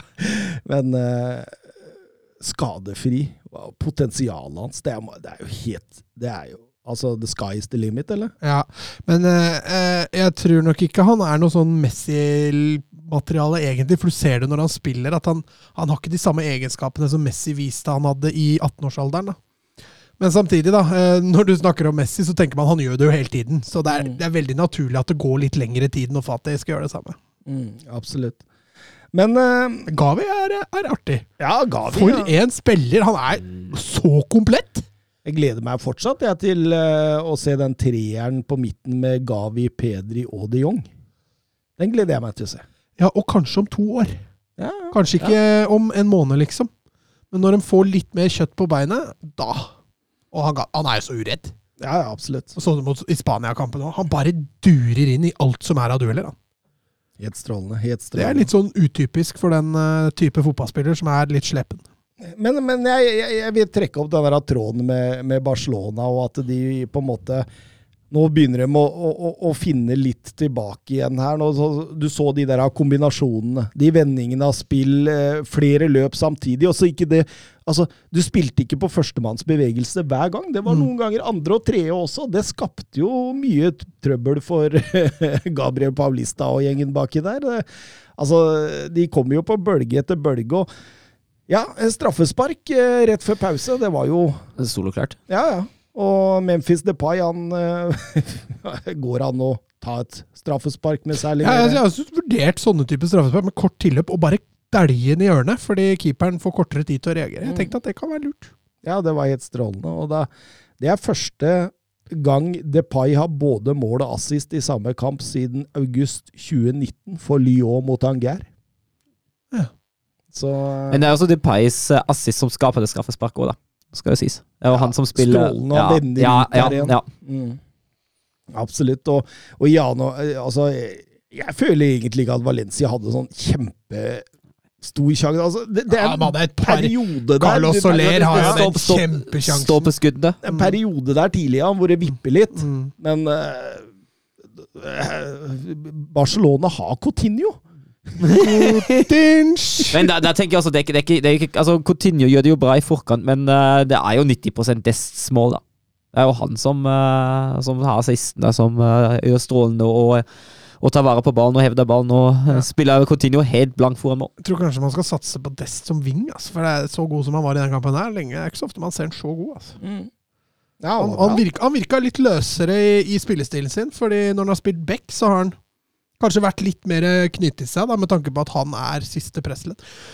Nå har jeg følt han slapp seg litt mer løst offensivt. det er artig hvordan han kommer seg ut og, og, og vender tilbake igjen Mm. for, å, fi- for å finne Coutinho der. og det, er- det er jo verdens enkleste jobb for Coutinho, egentlig, å sette den 3-1-skåringen. Og, og da kom Aguero inn òg. Ja, fikk Ja. de siste fem minutterne. Hvor mye det var? Sist han eh, spilte La Liga-fotball, var 21. mai 2011. Da var Gavi seks år og 289 dager. Men eh, du er fornøyd med dette, eller, Mats? Ja, ja, absolutt. Dette var et stort steg i riktig retning, så eh, Ganske happy med at man greier å vise så eh, gode takter en uke før El Clásico. Eh, Jeg har ikke troa der, men dette var positivt. Ja, Du satt jo her i forrige episode og var nesten redd for om de klarte topp fire, så Mm. Så dette må jo ha vært en stor, stor opptur. Eh, Twitter. Benjamin. Jokin, 40 med matchvinnende assist for Betis i går. Denne andalusiske legenden har fortsatt litt tempo i kroppen. Eh, Fortjener vel å nevnes, sier han. Ja, det syns jeg, jeg absolutt. Han har spilt eh, en, eh, ja, seks kamper så langt den, eh, den sesongen, og mest som uh, innbytter. Men å holde, holde fortsatt godt nivå, så har de som kantspiller som 40-åring altså Det ene er en keeper eller midtstopper fortjener respekt, jo, men kantspiller er jo kruttsterkt. Nei, altså han, jo, han, er jo litt, han er jo ganske truende fortsatt. Altså, Én mot én, fortsatt farlig. Kommer seg ofte inn i boks. Eh, Det er Calaves all verdens motstander, men eh, han spiller jo for et lag som har slitt litt med å avgjøre kamper, da, så all kudos. Så deil, deilig fotballspiller, da. Det er- Der! Han er såpass gammel at vi kan kalle han sexy, faktisk. Ja, ja du, det, det går an der. Nei, eh, artig type. Vi har nok sett det beste av ham på en fotballbane, men, men samtidig eh, Altså, jeg husker jeg så han tilbake til Når var det? Ja? Mesterskapet 2000 og Ja, 2006, var det det? Tyskland? Var det det? Når han eh, Det var blant annet han som slo det der innlegget som eh, ikke var over streken mot Sør... Nei, det, ja, sør, så ja, det var, Var det skandal... skandale... Nei, for det var, Skandalekampen. Det var, det, det var 2002. det var 2002, ja. Ja, da slo jo han det innlegget i forkant der som ikke var over når Mm. Spania skårte mot uh, Sør-Korea. Ja, stem. Var det han? Det var han. Det er jeg ganske sikker på. Det er snart 20 år siden. han. Så han, han holder koken. um, nei, eh, Real Madrid og Atletico Madrid de spilte ikke, de. Det gjorde de ikke. Det blei noen eh, færre ble en slunken runde den runden der. Det er bare La Liga som gjør dette her, og, og, og lar disse lagene som har søramerikanske spillere, få lov å og eh, liksom på en måte spille kampen seinere. Jeg, tror ikke- jeg tror ikke de hadde hatt sjans i Premier League med det spilleoppsettet de har der. Nei, ikke, i- ikke i Bundesliga heller. Det hadde ikke skjedd. Nei, Da måtte du droppa den vinterpausen, eller fått masse inn i den Ja, altså, altså, altså jo greit, Hvis noen hadde gjort det med, med Bayern München og Borussia Dortmund, hadde jo hele Tyskland eh, gått i harnisk. At de får særbehandling. mm. Ja, ikke sant. Ikke sant. Men eh, altså, jeg, jeg veit jo ikke hvor lurt det er heller, for disse kampene må jo spilles en gang. Og det er jo ganske tett kampprogram i Spania også. Det er ikke mange uker i midtuker hvor du har fri. I hvert fall ikke Real Madrid og Atletico Madrid, da, som ja. skal ut og spille Europa. Og Copa del Rey kommer jo til våren, og de skal vel også inn i en supercup i januar, som spilles i Qatar, eller hvor pokkeren de spiller dette hen. Eh, Så jeg veit ikke hvor lurt det er å utsette det heller, på en måte, for de får det jo, får det jo igjen. Ja. Nei, det blir spennende å se når de eh, For nå, de, de vil jo bli liggende bak etter hvert. Sånn Tottenham, da, blant annet. De har jo tre spillere, i hvert fall, hver eneste gang til uh, disse kampene. Men de Det tenker jeg, altså jeg tenker jo det er jo klubbens problem. Mm. Det er jo ikke, det er ikke ligaens problem. Altså, Jeg tenker jo også Særlig urettferdig hvis Newcastle, som ikke har noen, plutselig må spille for høyere kampbelastning i en uke fordi det andre laget har masse søramerikanere. Altså, det hadde vært urettferdig mot Newcastle òg. Ja, ja, for all del. For all del. Og det er litt sånn Newcastle har Almiron, vet du. og, og, og det er litt sånn i, i uh, Ja, men det, det var også grunnen til at uh, Raúl Jiménez satt på benken for uh, Wolverhampton denne helga. Men så kommer den til januar, og så er det at Afrikamesterskap. Og det blir jo Ja. på en måte samme greia, da. Ja, du vet jo hva du får. Altså, at, at når, du, når du henter inn en brasiliansk landslagsspiller, vet du at da blir det lange landslagsreiser i landslagspausen. Sånn, sånn er det bare. Det er en del av risikoen, tenker jeg. Det er en del av gamet. En del av gamet. Skjerp dere La Liga og spill fotball! Vi går over til eh, Bundesliga. Er det den eller den? Det er den grønne. Det er den grønne. Takk for det. Så- det, det selvfølgelig er det den grønne. Er macht ein richtig gutes Spiel. Jan Schimonek. Die Wolfsburger lassen so gut wie nichts zu. Grafit. Grafit gegen Lell. Jetzt wird's eine Demütigung. Guckt euch das an. Bist du verrückt? Bist du verrückt? Tor des Jahres. Die Bayern der Lächerlichkeit preisgegeben. Ja, og vi begynner med Dortmund sitt eh, møte med Mainz. Ja, og da fikk jeg jo litt assosiasjoner fra Liverpool-kampen tidligere den lørdagen. eh, For det var nesten like overlegne. Det var ikke fullt så mange sjanser for Borussia Dortmund, eh, men 80% possession var det vel i første omgang. eller noe sånt. Eh, fullstendig overlegging. for en tidlig scoring. Uh, Harlig avslutning av uh, Marco Royce etter tre minutter. Uh, og så er det jo enveiskjøring. Uh, Gegenpresset er ganske kvelende, og Mainz gjør egentlig ikke noe annet enn å slå ballen langt ut, og så kommer han omgående tilbake. Det som Mainz gjør bra, er å forsvare egen boks. Mm. Mm. Ellers er det en veldig typisk Dortmund-kamp. Jeg, jeg spiller jo i 4-3-3 nå. Jeg syns, uh, syns den offensive markeringen i den kampen som Dortmund har, er veldig god, i hvert fall i første omgang. Det er mange fine vendinger, det er bare de innleggene som ikke finner helt fram. Ja, altså synes jeg altså det Mainz-laget sideforskyver jo noe så voldsomt. De kan jo ha en sånn sju, åtte, ni spillere på én side hele veien. Og, og, og, og dra en sånn, jeg var inne på det tidligere i episoden, en Lucien Favre, hvor du bare klinker ballen motsatt. At de, de ikke gjorde det oftere, tenker Ja. jeg, så hadde de kommet til enda flere større sjanser. Fordi eh, det, det var jo på en måte sånn at eh, altså, Veldig imponert over mye av det Dortmund driver med her og, i denne kampen. Og, og Mainz det skal jo ikke være noe walkover-lag, i hvert fall ikke under Bo Svensson. Nei, de har hatt en litt tøff periode nå. Bare ett poeng de siste fire kamper som de har tatt. Uh, så er litt sånn nedadgående nå. Møter nå Augsburg og Bielefeld i ligaen som neste, så da må de nesten begynne å vinne litt igjen. Med lag som, mot lag som er på sånn cirka samme nivå. Uh, men ja, altså jeg er enig i at Bo Svenssons Mainz det ser jo egentlig bra ut. Men jeg syns Mainz mister seg sjøl litt. Jeg syns Mainz under Bo Svensson har hatt de beste kampene når de faktisk har vært høye i press, når de har vært aggressive, og det klarer de først i andre omgang. Og da er det for seint. Ja, helt klart. Helt klart, fordi eh, jeg, jeg føler jo Dortmund fikk det ganske lett i første omgang der, Mats. Mm. Ja, jeg syns også det. Det var litt uvant å se et så hva skal jeg si, passivt Mainz, hvis jeg kan Mm. si det på den måten. Ja, Og så altså, får de jo en drømmestart, da. Det må jo Ja. Eh, Men, men, Når du får den starten, så er det lettere å komme fort inn i det. vet du. ja, og, og, og dem, Eller ut av det, for den saks Og skyld. Mainz kaster jo ikke akkurat plan av, eh, av eh, bort med en gang, for å si det sånn. Nei.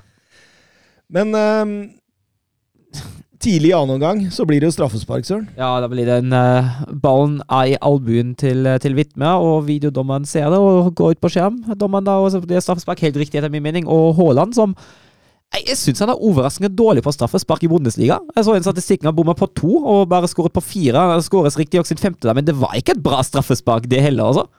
Nei, altså Hadde Sentner klart å holde den litt lenger, Ja. da, så hadde det ryket. Nei, Jeg, jeg, skjønner, jeg skjønner ikke at han en så god avslutta som eh, ja, må jobbe litt med straffesparkene sine.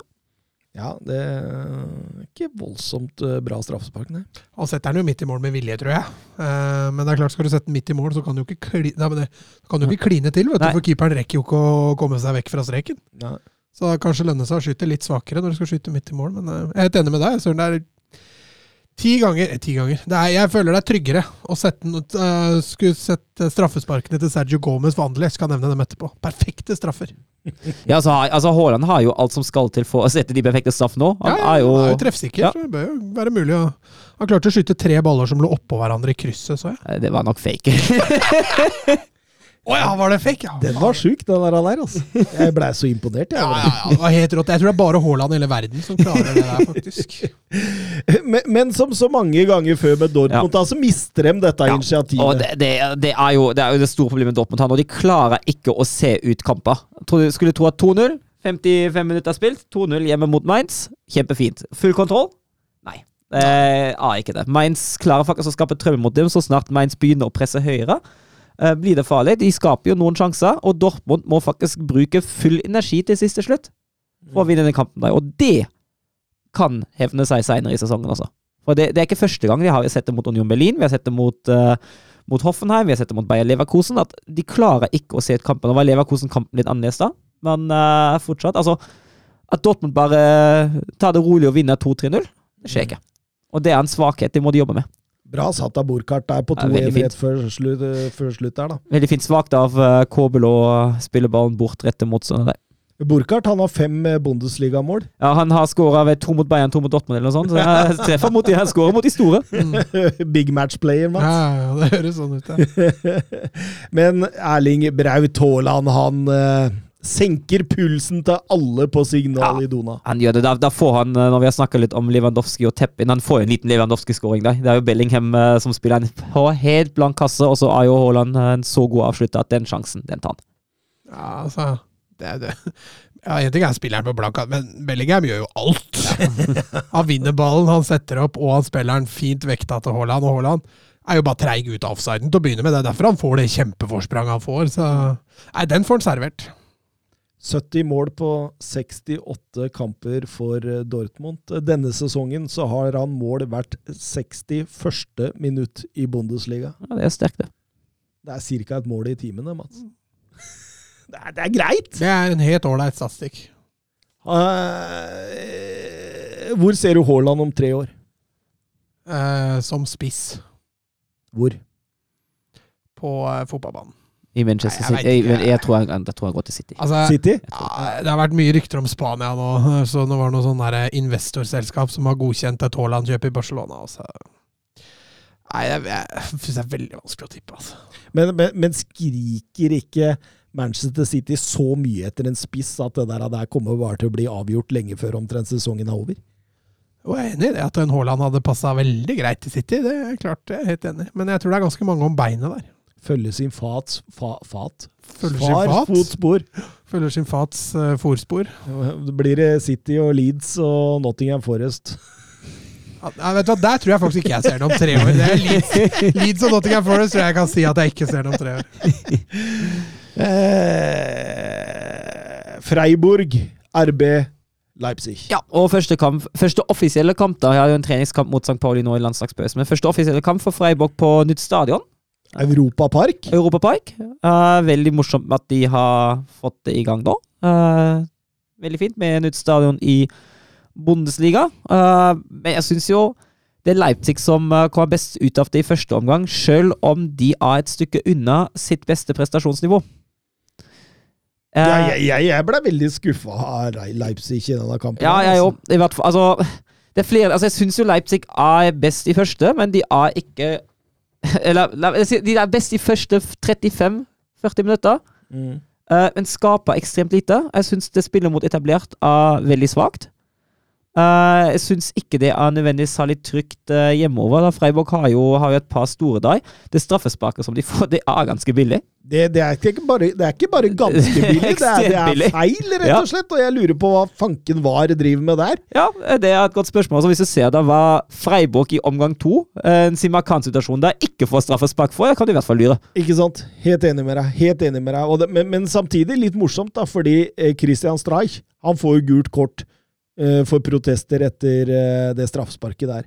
Og så Rett etterpå så får Jesse Mars gult kort for at han klager på et eller annet med, i forbindelse med Emil Forsberg-takling. Og da står man faktisk med den situasjonen at det er to trenere som har gult kort, men ingen spillere. Ja, har du statistikk på hvor ofte det skjer? Ja, Det tror jeg ikke skjer Jeg, ofte. jeg tror ikke det har skjedd før i Bundesliga. Men ja, jeg, jeg, altså, jeg er enig, altså, Leipzig skaper jo Skaper sine beste muligheter når de kan komme på overgang, eller når de en sjelden gang faktisk kommer seg gjennom lett og får satt opp spillere der. Det er litt flatt batteri offensivt, altså. Mm. Ja, det er litt sånn tilbake Det er sånn tilbakefall til gamle og synder. veldig avhengig av at en kunku skal, ja. skal finne på noe. Ja. Og det, det som skuffer meg egentlig mest, uh, er at Jesse March klarer ikke å svare når eh, Christian Streich gjør endringer og skifter system i pausen. Ja, For han går over til 4-2-3 igjen. Ja, han gjør det. Han gjør det. Og den firevektslinja altså, Og nå altså Leipzig starter jo kampen, eh, starter jo kampen i en, med en firevektslinje i år. 4-2-3-1 de år. Uh, og nå har plutselig Freiburg, kan Freiburg seg rundt på kant. Uh, klarer å spille mann mot mann sentralt på midten og kommer seg rundt på kant. Og det skaper veldig mye av Freiburgs angrepsspill. Og March han lar det bare gå. Han, han gjør ingenting. Det er ikke noe in game, eh, in game changes der i det hele tatt. Han bare ser på hvordan kampen med hvordan Freiburg tar mer og mer over, skaper mer og mer, blir farligere og farligere. Og at Jiong til slutt kommer og scorer på en heading altså Hva er det de- hva er det de driver med der inne? Rekkekameraten til Son på det sørkoreanske Ja. landslaget. Altså, nei, altså, han er en god spiller, men det er, ikke- det er ikke den spilleren som skal score med hodet. Ja, totalt upressa der. Ja, det er helt katastrofe. De, de har flytta av alt eh, for langt til høyre der, og så står han da helt aleine der. Og, Altså- og, og, og, på bakerst står jo Guardiola to mann. Ja. Lurer på hvor han skal gå. Så. Og så, så bytter han jo inn eh, Silva for Forsbekk eh, etter halvspilt, uh, etter halvspilt eh, første omgang, fire minutter etter scoring. Og så venter ta Altså, han gjør den første formasjonsendringen tolv minutter før slutt. Mm. Da han, da bytta han til treveksling, og Angelino kom inn. Og Angelino tenkte i første omgang hvor mye Shaboslai faktisk trekker innover, og hvor mye rom han åpner. Så har han en Guardiol der, og Guardiol liker spilleren, men det er ikke den venstrebekken som utfordrer det rommet der. Altså, Å ha Angelinho i den kampen der fra start, jeg tror Leipzig hadde tjent på det. Jeg syns han bomma litt der, altså. Ja, jeg er helt enig med deg, og, og Guardiol er jo eh, først og fremst en defensiv eh, venstrebekk. Og, ja. og, og, og når du har en Soboslai som hele tida søker innover der, så, Ja. så er det naturlig for meg å putte Angelino inn der òg. Helt klart. Helt klart. Eh, men, men samtidig, da, så er det jo altså Mot slutten der, det er jo Freiburg-kjør. Ja. To, jeg har jo to skutt i stolpen i løpet av kampen også. Gulasji var bra, altså. Gulashi var bra. Han, eh, den ene altså at han får Det er jo litt flaks, men også dyktighet. Den, den i første omgang som Freiburg setter i stolp mot slutten av omgangen der, så spretter han jo i foten til Gulashi, og av en eller annen grunn får han faktisk overmål. Ja, den var, den var Ja. syk! Der har han ikke kontroll på hva han driver med, altså. Eh, Men eh, 1-1 eh, Leipzig har ikke vunnet borte på sju kamper i Bundesliga. Det er, Det er ikke laget som følger eh, Bayern til døra, dette. nei, Nei, altså Freiburg er jo ikke den letteste bortekampen å vinne heller, da. nei ikke, i hvert fall ikke nå. Altså, Freiburg har generelt sånn ekkel bortekamp, men Ja. ikke, altså, nå er de jo i god form opp. Mm. Har ikke tapt en eneste kamp i sesongen ennå. Men sju kamper, da blir det litt fra Nagelsmann-tida òg, da. Ja. Det er ikke bare Jesse Marsh som skal ha det. Glenn Weber han lurer på om det er lov å være litt skuffa etter kampen, eller om det lå i kortene at man skulle slite litt på Europapark. Både òg, tenker jeg. Eh, Mats er inne på det. Freiburg borte er ikke lett. Eh, Leipzig liker ikke så veldig godt å reise bort til Freiburg. Da har de, hadde de før kampen eh, i Bundesliga eh, to seire og tre tap, så det er ikke akkurat eh, favorittmotstanderen til, eh, til Leipzig til deg. Eh, men som jeg har nevnt òg, jeg syns det er en tilbakefall til gamle Sunne den kampen der. Uh, Salig på det offensive spillet mot etablert forsvar. Og, det, og, det, og ser vi det, altså jeg synes vi ser det igjen, at så snart eh, så snart du gjør det tett mot Leipzig, så snart du forsvarer deg godt i, i egen halvdel i siste tredjedel, så sliter det Leipzig-laget under Jesse March. Og jeg, satt flere ganger i den kampen og lurte på litt som med Ole Gunnar Solskjær, hvordan vil han egentlig bryte ned forsvaret deg? Jeg fant ikke noen gode svar. Som du sier, Konko, litt individuelle prestasjoner, men eh, ja, han bommer litt, som jeg sier. Ja. Jeg tenker. Ja, helt enig med deg. Helt enig med deg. Jeg syns det ser litt sånn tungt ut. Eh, Det blir veldig spennende å se hvordan dette går videre. Eh, Skal videre til eh, Union Berlin mot Wolfsburg, og jeg må få lov å sitere Søren lørdag 16. oktober klokka 17.21 på chatten vår. Blir tordentale på tirsdag, bommel må gå! Og Jonathan Hobber han skriver på Twitter Søren, hva skjer i Wolfsburg? Ja, Mark van Bommel da. Det, Ja, kom igjen nå, Søren! Tordentallet! Ja. Uh, og å starte den kampen mot Union, mot et kjempende, mot et ekkelt fysisk lag på bortebane, uten Wout Weghorst, Riedle Bake og Renato Steffen, de tre mest engasjerte spillerne som dette laget har på de offensive posisjonene, av fullstendig skivebom.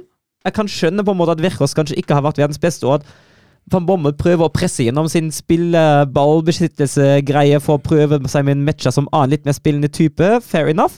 Dette var fullstendig feil kamp å gjøre dette her på. At Gilavogi får lov å spille sentralt kamp etter kamp etter kamp, som bidrar null og nada på possession-spillet, er en skandale. Hadde gjerne likt å se, å se Ridle Bako da. Han har jo spilt sentral midtbanespill i Mainz. Det er åpenbart ikke et alternativ for van Bommel i det hele tatt. Jeg mener at han hadde egnet seg bedre, samtidig som du ikke mister særlig mye defensivt med ham heller, for han kan ta den defensive jobben som Gilavogi tar også. Uh, kommer, altså Greit, de dominerer de første 20-30 minutter med, med presse og har mye ball og skaper to, eh, to muligheter, men det er så flat batteri offensivt. Det er alltid det samme hva han tieren for skal finne på. Altså Philip altså spiller egentlig ingen rolle hvem som spiller. Philip hadde en forferdelig sesong, men spiller ingen rolle. Den tierrollen den er fryktelig udefinert. Jeg veit ikke hva han vil med den engang. Eh, så lite involvert i kampen som, som det der. Det er helt katastrofe. Kamp etter kamp at den tieren blir ikke involvert nok. Det mangler kreativitet. Og Det eneste han gjør, er å trekke opp de, tre, de to kantene innover, få ballen ut på bekk, og så slås det 500 innlegg i boksen. Og av de 500 innlegg havner 498 hos enten midtforsvareren eller motstanders keeper. Det er litt dumt av han som er best i boks eh, på benken. Ja. Og du ser det jo med en gang han kommer inn, da kommer jo et av de få innleggene som kommer, tar en løp mot første stolpe, og så får han en sjanse. Det er en av sjansen vi har i andre omgang. Men, men, men altså, Ta- Ta- uh, Taivo Avoni han skårer jo 1-0 der, og, og Becker setter 2-0 eh, rett før slutt. og Hva er det som skjer med Castells også? Nå er, nå Ja, er den, det den, var, den, var, altså. ja, den var svak. Og det, jeg tenker jo, det er jo igjen et dårlig tegn, det òg. Jeg husker jo uh, da, da det var med Runa Kristinsson på sitt verste, at, uh, at godeste Origi, som vi hadde i mål der, han blir jo plutselig kjempeutrykk, han òg. Mm. Uh, nå skal jeg ikke klandre van Bommel direkte uh, for feilene Castells gjør. Det blir jo feil, det òg, men det, det passer på en måte inn i bildet som formidles av usikkerhet, av utrygghet, av at man ikke helt vet hva dette laget står for. Det neste er jo at mens man under Glasner var i toppen av sprintstatistikk og løpestatistikk, så har man nå det laget som løper nest minst i Bundesliga, og du vinner ikke kamper ved å løpe. Du vinner ikke fordi du løper med en motstander, men det er et godt utgangspunkt, tenker jeg. Eh, altså, er det jo, passer jo perfekt i bildet nå at Vord Veros har fått korona og ikke er med på, på Salzburg. Antivaks, han er jo antivakser, han òg. Han nekter jo å ta vaksinen, så nå har han jo fått korona. Så. Slapp, da slipper han å ta den. Ja. Altså, altså la jeg merke til at van Bommel han snakker ekstremt lite taktikk på pressekonferansene sine. Og jeg lurer på om det er fordi han ikke kan det bedre. Jeg tror, jeg tror, det, jeg tror det er på det nivået Det, er, Altså. det er Solskjær. eh, Ja, ja. Ja, det er Solskjær. Og den, den ansettelsen der, jeg er så forbanna. Denne klubben har vært i Champions League i tre ganger. 2009, 2015 og nå. Og hver gang gjøres de største tabbene i den klubben i suksess og spiller. Det er ingen rolle hvem som er sjef, om det er Allov Schmatke eller gudene veit hvem. Personalavgjørelser som tas når denne klubben der har suksess, det er en frustrasjon uten like. Det ikke rart om vi klarer å holde på de gode tidene, altså. Arne Erlandsen, eller? Eh, Langt, langt, altså, langt, langt verre enn Arne Erlandsen. eh, dag, altså. Ja, for Med tanke på klubbens størrelse og klubbens ambisjonsnivå, hvor man egentlig vil. Dette var Union Berlins eh, første seier mot eh, Wolfsburg i historien. eh, og Wolfsburg har nå tre strake tap i Bundesliga for første gang siden desember 2019. Mm. Mm. Mm. Og det var, ikke, det, det var ikke Bayern, Dortmund og Leipzig som kom da. Det var Hoffenheim, Mönchengladbach og Union Berlin. Han er, er nede nå. Det blir Det blir, eh, det blir eh, dere nedrykk, to- nedrykk, dette, Søren. Nei, det, det, blir- det blir det ikke. Nei, det blir, jeg tror ikke det blir nedrykk. Uh... Men, men går det noe hva, hva skrives det? Er han på vei ut, eller? det, tror jeg, det tror jeg ikke på. Uh, Schmatka er jo kjent for å være veldig tålmodig med trenerne sine, og Schmatka er også veldig kjent for å ikke være den typen som innrømmer feil. Hei, Mats. Hei, hei. uh, så jeg, jeg, jeg, tror det, jeg tror det tar en stund. Jeg tror ikke van Bommel overlever den sesongen. Jeg tror ikke vi ser noe før i hvert fall jul, Også. Nei. Nei, Da blir det spennende. da Da får vi flere utbrudd av, av Søren Oh, yes. eh, her. Eh, kommer du til å stå altså For du skal jo på Wolfsburg-Freiburg. Mhm. Eh, kommer du til å stå med sånn der van Bommelen out? Nei, jeg, kan, jeg kommer ikke til å ta med plakat, men jeg, altså jeg, står jo bla- jeg kommer til å stå blant supporterne, så jeg kommer til å synge. Og jeg, hvis det går skeis, håper jeg at supporterne viser en reaksjon, da. Han er altfor høflig til å stå med sånn Som plakat? Ja, van Bommelen, kan du være så snill å tenke deg om, typ.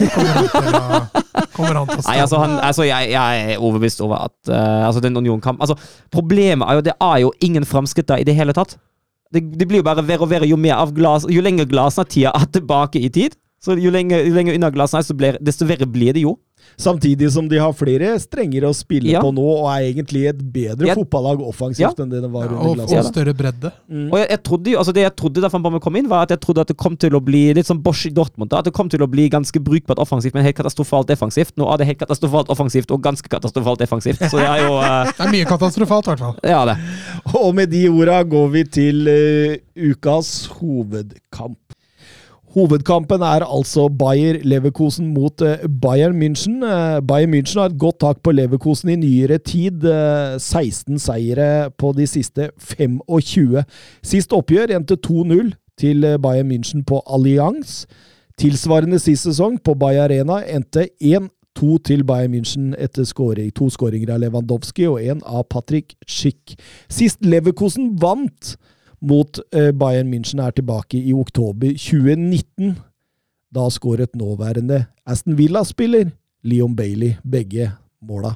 Eh, skal vi ta noe om lagene? Ja, Bayern eh, kan vi ta kjapt. De stiller med akkurat det samme laget som tapte 1-2 mot Frankfurt før landslagspausen. Eh, Leverkosen blir litt med for tre endringer. Bakka inn på venstrebekken for Hinkapi. Amiri for Aranguiz sentralt, og Paulinho for Adli. Etter 4-0-seieren mot Arminia Bielefeld.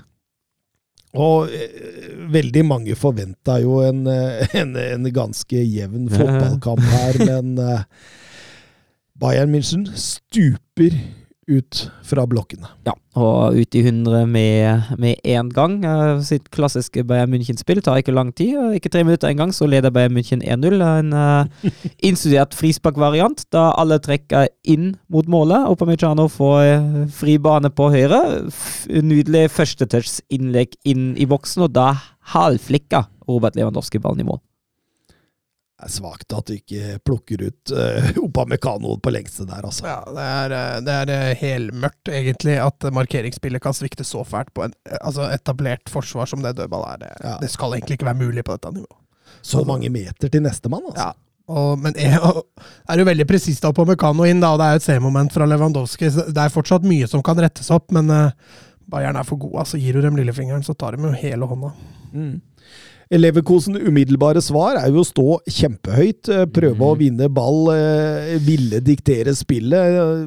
Klarer det knapt nok. eh, Nei, det, det, skal, jeg føler jo at den inngangen da Altså første ti minuttene etter scoring føler jeg at Bayern overlater litt ballen til, eh, til Leverkosen. Ja, Eh, man sett dem gjøre før. altså Ja. Bare sånn Ok, nå har vi scora, så Ja. kan dere få lov å kose dere litt, og Ja. så men så- kjører vi på. Mm. Ja, og så, og så skjer jo det et, fra 20 minutter ut. Da er det jo klasseforskjell mellom lagene. Men mye av det skyldes jo, som du er inne på, det høye presset. Uh, Leverkosens høye press lykkes ikke. Bayern får alltid et alternativ. Det er igjen uh, Davies på venstre for Diaby støter jo ved siden av Schick i toppresset for å sette press på midtstopperne. Uh, men uh, Davies får da enkeltspillerom og enkeltballer fra både midtstopperne og fra Noya. Og så av problemene strekker deg. Mellomrommet overloades med både Sané, uh, Mulla og Goretzka. Mm. Uh, Bayern får masse spillere inn i, i mellomrommet. Leverkosen står såpass høyt og såpass, såpass stort mellomrom at Bayern kommer seg enkelt gjennom og enkelt inn i mellomrommet, og så blir det farlig hele tida. Jeg skriver i notatene mine her etter 15 minutter. eh, Så skriver jeg akkurat det du sier der, på en måte. Og så skriver jeg Og så er jeg usikker på hvor mye rom Demir Bay og Amiri dekker defensivt. Det er akkurat, og det, det tenkte jeg, altså Petter Wæland er jo også inne på det seinere i løpet av første eller andre omgang, når, han- når han kommenterer. Uh, men det er jo litt det problemet. Aranguiz skader seg. Uh, Baumgartlinger er skada, og en, dypt, en ekte dyptliggende midtbanespiller Det er egentlig det Leverkosen har trengt i den kampen. Der. En som virkelig kan ta tak defensivt, men det hadde de ikke. Nei, og det ser du jo, fordi det, det, det blir jo en autostrada sentralt i banen der, og det altså eh, Sané og Gnabry slurver så fælt. Ja, du Det det. er så voldsomt mye slurvefeil. Eh, Pasninger som ikke går- når fram. Eh, følger løp defensivt. Det er så mye småting, da. Mm. Og gjør du det mot Bayern, du blir jo straffa. Ja, og altså, jeg tenker Bayern kunne ha straffa dem mer og tidligere, men Salih Sané og til tider så går Retska bruker litt lang tid på ballen. Én touch for mye. Det gjør ikke Sané det ganske ofte? Ja, men voldsomt ofte han får sjansen da inn i mellomrommet der foran stoppera. Altså, det er vanskelig å spille stopper i en sånn Ja. kamp som dette her, altså. Fordi du blir bare Altså, det er som et tog som bare ruller over deg gang på gang på gang på gang. Du kommer liksom på Du får aldri roa, da, til å sette forsvarsspillet ditt, og det Ah, jeg, jeg, jeg tenkte Seoane må gjøre noe med akkurat det der, der, for det nytter ikke å fortsette sånn. Altså, du- altså, også som du sier, da, han, det er jo et par skader på, på eh, sentrale spillere i de posisjonene der, men eh, da, da må man heller senke presset sitt litt. Ja, jeg er enig. Det mellomrommet som var der, var ikke bra. Og det Altså, det, det, de, det, det de får fra 29. minutt til eh, 37. minutt nå, det er jo en leksjon i eh, Altså, det, det, det det er akkurat som Bayern München bare løfter opp Leverkosen, og så setter dem på sidelinja. Altså, putter dem inn i et skap, Ja, altså, og så bare Låser, låser skapet. jeg, fikk, jeg fikk assosiasjoner fra Tyskland-Brasil i 2014. Jeg gjorde det. Det bare Eh, rant, det bare rant. Ja, og så- og så sa etter 4-0. Altså, det er liksom Brasil altså Brasil mot Tyskland. eh, 4-0 er 5-0-skåringa. Spiller ballen tilbake, mister det med en gang mot Tysklands press. 4-0-skåringen til Bayern uh, mot Leverkosen. Avspark Leverkosen, spiller ut på kant, settes under press, og ballen ligger i mål igjen. Det er, det er samme greie. Det er, det er så mye usikkerhet der.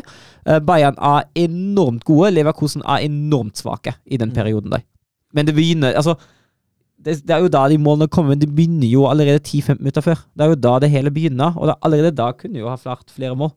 Men det, det, det virker jo som at eh, når de har satt opp denne planen for å forsvare seg, så er det akkurat som at Eh, de føler at de er litt sånn Ole Brumm. Ja takk, begge deler. At mm. ok, vi, vi, vi vil ikke slippe dem til på kant, og vi vil ikke slippe dem til sentralt i banen. Og så blir det på en måte det strekket så stort, mm. istedenfor at hvis dere bare samler presset deres og, og lar dem få lov å drive litt ut på kant, da, så kunne det blitt mye, mye bedre. Senke presset, samle presset, komprimere laget. Da kunne, da kunne sikkert Amiri og, og, og Demir Bay Uh, fått bedre vilkår, da. Men det, de, de, de vilkåra er jo ikke der heller. Nei, de er ikke det, og han, han bruker jo altfor lang tid til han gjør noe. Han, han, tar jo først grep i pausen, sier han.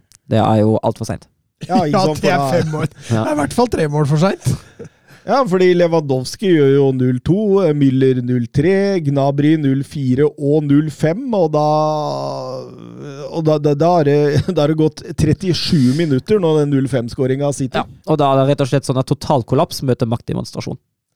Helt klart. helt klart. Og du, da, da, ser du allerede Da kan Nagelsmann liksom ta av ja. en Alfonso Davies Ja, Småskada, da. Han, ja, ja, ja men, du, men, men, han hadde sannsynligvis fortsatt mm. i hvert fall ut pause hvis dette har vært jevnere. Men ok, vi bare smeller ut han og setter inn Stanisic. Altså, har ikke noe å si. Nå kan vi hvile. Og, og det, det, det, det, blir jo også annenomgangen prega av at uh, Bayern München sier jo jobben altså, er gjort. Ja, og det er jo altså det er en transportetappe. Og der har man, altså Bayern har jo også Champions League å tenke på. Leverkosen kommer til én skåring ved skikk ti minutter inn i pausen. Wirtz får lov å vise litt av sin klasse. Mm. Uh, for første og eneste gang i den kampen da, egentlig. Uh, får seg målpoeng i den kampen òg. Uh, men ellers er Bayern Bayern har jo full kontroll. Det er jo ikke noe større problem med det. Tenk at ikke Sané får målpoeng i denne matchen. Ja. det, er, det, er, ganske sjukt, faktisk. Det, det, er faktisk helt eh, vilt. Men altså eh, det, det, er jo litt kjedelig når hovedkampen vår blir sånn. Mm. For det er liksom på en måte Du, du blinker med en gang ut hva Bayer Leverkosen kunne gjort annerledes. Og så er det en så vanvittig stor forskjell da, på mm. laga at de, de, på en måte de spiller ikke på samme premisser. Sånn at det, uansett hva du på en måte finner ut at Bayer Leverkosen kan gjøre, så veit du det at ja, men Bayern München er såpass mye mer overlegen uansett, så de ville finne et svar til det. For, altså det, det, det Seane gjør, jo, er jo at han tar ut uh, på linjepausen og bytter inn Tapsoba og går over til en 5X-linje. Uh, eh, og løser det problemet Prøver å løse problemet uh, i mellomrommet ved å la stoppene støte tidlig. En av de, mm. en av de tre stoppene. Mm jeg, jeg, tenker at hvis Bayern hadde spilt for full maskin, hadde ikke det løst problemet i det hele tatt. Egentlig.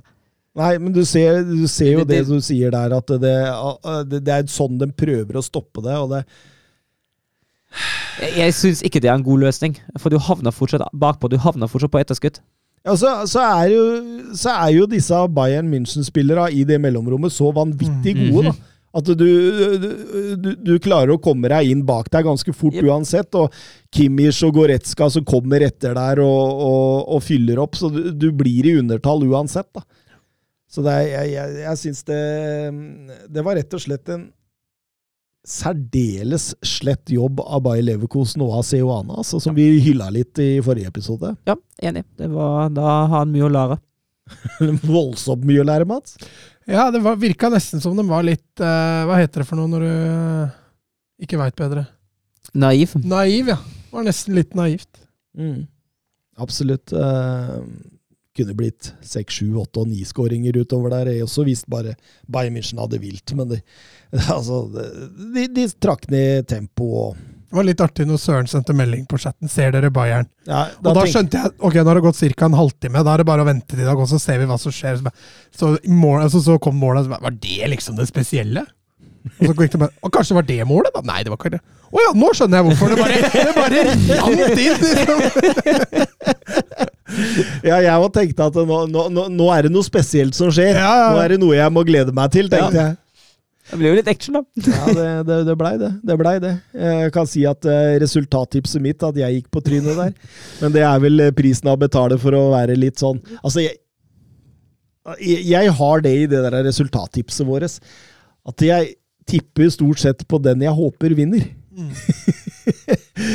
og, og, da står jeg igjen med null poeng, mens dere får ett hver, for det var ingen av dere som klarte å tippe Jeg får ikke ekstra, for, jeg, jeg får ikke ekstra for å ha meldt to Lewandowski-skåringer, altså. Nei, du får ikke det, altså. Du får ikke det. Men du, eh, du Ja, du sa jo 1-3 og to Lewandowski-skåringer, så den er jo fin, den. Eh, skal vi ta banens beste sånn raskt? Har du glemt det? Jeg kan starte. Jeg gir tre til Lewandowski. Uh, han, han, står for de to måla. Han avgjør jo kampen allerede etter en halvtime. det er litt kult at du har uh, tre til én jeg ikke har på lista mi. Ja. Det er. Nei, det, altså, det, er, det, er, mange man kunne ha valgt her. Uh, to til Joshua Kimi, som jeg syns spiller en fremragende kamp sentralt på midten. Og så kan jeg egentlig plukke hvem som, hvem som helst fra meg. Jeg tror jeg gir én til Thomas Müller.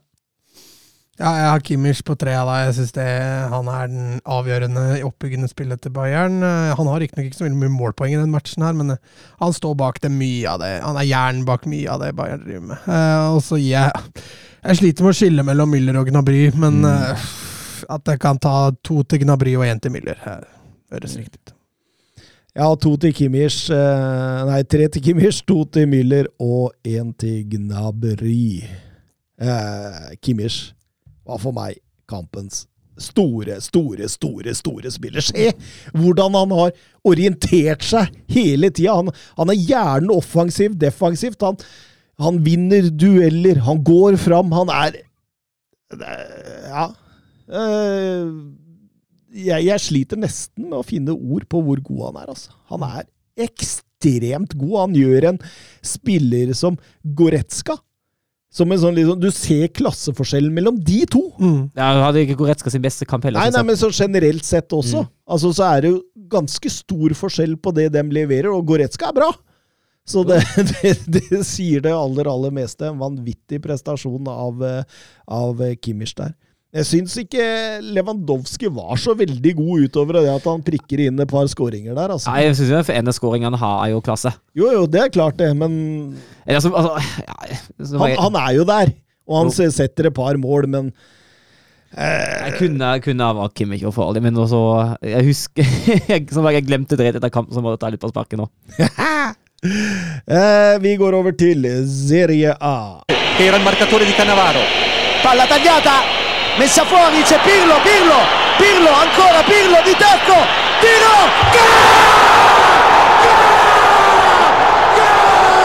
Grosso, Grosso, Grosso,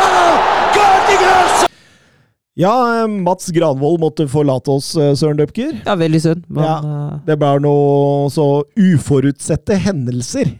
Ja, og sånn skjer jo. Sånn skjer. Det, er jo det er jo lov. Sånn skjer, så da må vi dra Serie A i land alene. Men det, det klarer vi. Det får vi til. Det går fint, det. Og litt uh, Ligue Ø der. Og, um, det første vi skal snakke om, uh, Søren Dupker, det er Lazio mot Inter uh, Milan. Ja. Og um, Simone Insagi tilbake på Stadio Olympico, hvor han tjenestegjorde i nesten fem år. og han valgte å la Lautaro Martinez og Correja starte på benk, eh, da de også hadde vært på denne fæle søramerikanske kvaliken. og eh, Det fikk han betale litt for, altså. Ja, han gjorde det til slutt. Eh, Sarri eh, fortsetter å lete etter balansen i laget. Mm, stygt 0-3-tap mot Bologna sist uh, uke. Mm, var virkelig interessert i å ta hevn her nå. Og Enziro Immobile inn tilbake i laget, det, mm, det, det ga jo resultater. Men, men, det er Perisic på straffespark som sender Inter i ledelsen. Ja, og det var det en uh, Hussein var det vel som, uh, som lagde straffesparket, da, og det var jo, var jo helt riktig at det ble blir straffespark. Og ellers syns jeg jo ikke det er en kamp da kanskje Inter kanskje er bitte litt best, eller bitte litt bedre enn Lazio, men det er jo ikke en kamp da begge lag skaper voldsomt mange sjanser i første omgang. Nei, det, er jo, det, er jo, egentlig en jevn kamp. Du har jo, du har jo den sjansen til uh, til, uh, til Basic, og så er det er du vel én til til Perisic, det er mest langskudd du går på mm. i første omgang. Det skjer jo ikke sånn veldig mye foran målene. Nei, det gjør ikke det. Jeg syns eh, spillemessig er Lazio hakket bedre. Kommer til litt mer sjanser og sånn. Men, men jeg, jeg, vil tilbake til det Perisic-straffesparket. Ser du han setter det med høyrebeinet? Ja, han gjør det, faktisk. ja. Og, og, og siden han har satt straffespark i Serie A med venstrebeinet tidligere, så er han altså den første Serie A-spilleren siden Oppda begynte å regne sånne tall, som har skåret et straffespark med både høyre og venstre. Ja, det er litt kult. Det er litt kult. Ja. Det er litt kult. Og Perisic er jo en litt kul spiller. Så, Ja, jeg, jeg har veldig sans for han. Var jo Wolfsburg, han òg. Ja, ja. Og at, at Inter starta med Djeko og Perisic, det er jo litt kult. det gjør deg litt Inter-supporter, eller? Ja. Ja, Synd at det gikk som det gikk, da. Ja, absolutt. Fordi jeg, jeg syns jo uh, Lazio er hakket bedre gjennom hele kampen. Og, og selv om Inter tar eh, 0-1 til pause der, så, så mener jeg jo det at, eh, at eh, Lazio er best. Og, og, og, Andersson der, som herjer. Ja. Til, til, altså, det er tre millioner euro ble han henta for fra Westham, ja og nå er rø- herjer han fullstendig! Røverkjøpte, det altså. Ja, det er helt vilt, altså. Um, men Lazio har jo ikke tapt hjemme på 17 Serie A-kamper, og det så du i annen omgang. De, den begynner å presse. Begynner å kjøre Inter voldsomt der. Eh, Insagi har justert linjene noe for, for å prøve å ikke få så stor avstand, men Roma finner Andersson og Pedro hele tida å gå i, og, og at de får et straffespark eh, eh, etter 62 minutter som Ziro Immobile setter til 1-1, det er jo bare egentlig fortjent, spør du meg. Ja, det er jeg helt enig i. Eh, Inzaghi da svarer med å hive inn på Correja, Martinez og Dumfries, og han vil jo ha alle tre poengene, men, eh, men eh, Lazio kommer på overganger og ruller over, og, og Filip Andersson setter 2-1 der. Ja, og så blir det voldsomt med, med følelser og emosjoner etterpå. Eh, Det, det blir full kalabalik Ja. der. Det blir full, men det handler jo om at de Marco Ja, men så begynte altså Han lå vel allerede da Inter angrep, og Inter spilte den ikke ut. Da skal vi ikke, for, ikke Inter forvente at uh, Lazio spiller den ut på overgangen heller. Ja, jo det samme, altså En av de, de som klager mest, er jo Lartaro Martinez, som så Ja. han går ned og Mhm. fortsetter det angrepet sjøl. Ja. Og når det da går kontra, og, eh, og Filipe Andersson tapper inn eh, 2-1 der, så, så er det jo han som egentlig er mest forbanna på Filipe Andersson, sammen med et par-tre andre der som går i ja, Det, det tar jo fullstendig Ja, av. jeg syns ikke det er noen grunn til å være forbanna der. Altså, de hadde muligheten til å spille ballen ut sjøl, det gjorde de ikke. Da er det deres problem. Det blir vel en fire-fem kort der. ja. Hagla kort. og, og på overtid så, eh, så stanger Sergej Milinkovic-Savic inn 3-1. eh, Bra gjennomført kamp av Lazio. Eh, svakt, syns jeg, Inter Ja. i store deler av kampen der. Og, Lite offensiv trussel òg. mm. Så, du, så du forresten Luis Filipe fikk rødt kort på Ja, overtid? Og altså hadde jeg ikke fått spørsmål om Twitter på det. jo, det har vi kanskje. Vebjørn Fredheim, hvor dumt var det av Luis Filipe? Er det det lov å synes synd på han, eller betaler han prisen for tankeløshet? Kan jeg si litt begge deler? Uh, fordi jeg synes, altså, han, han har jo ingenting da å gjøre, egentlig, men så syns jeg ikke det er rødt kort.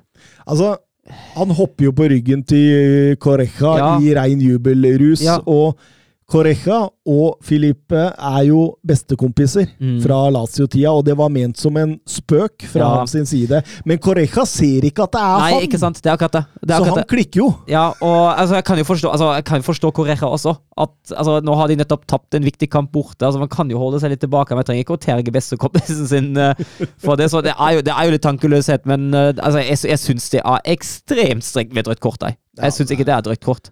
Nei, og, og det er jo krise for Lazio, som allerede har eh, Aserbi ute med suspensjon også, så eh, I kjølvannet av dette Kommer ikke han tilbake til neste? Nei, Jeg tror han har én kamp til. Ah. Mm.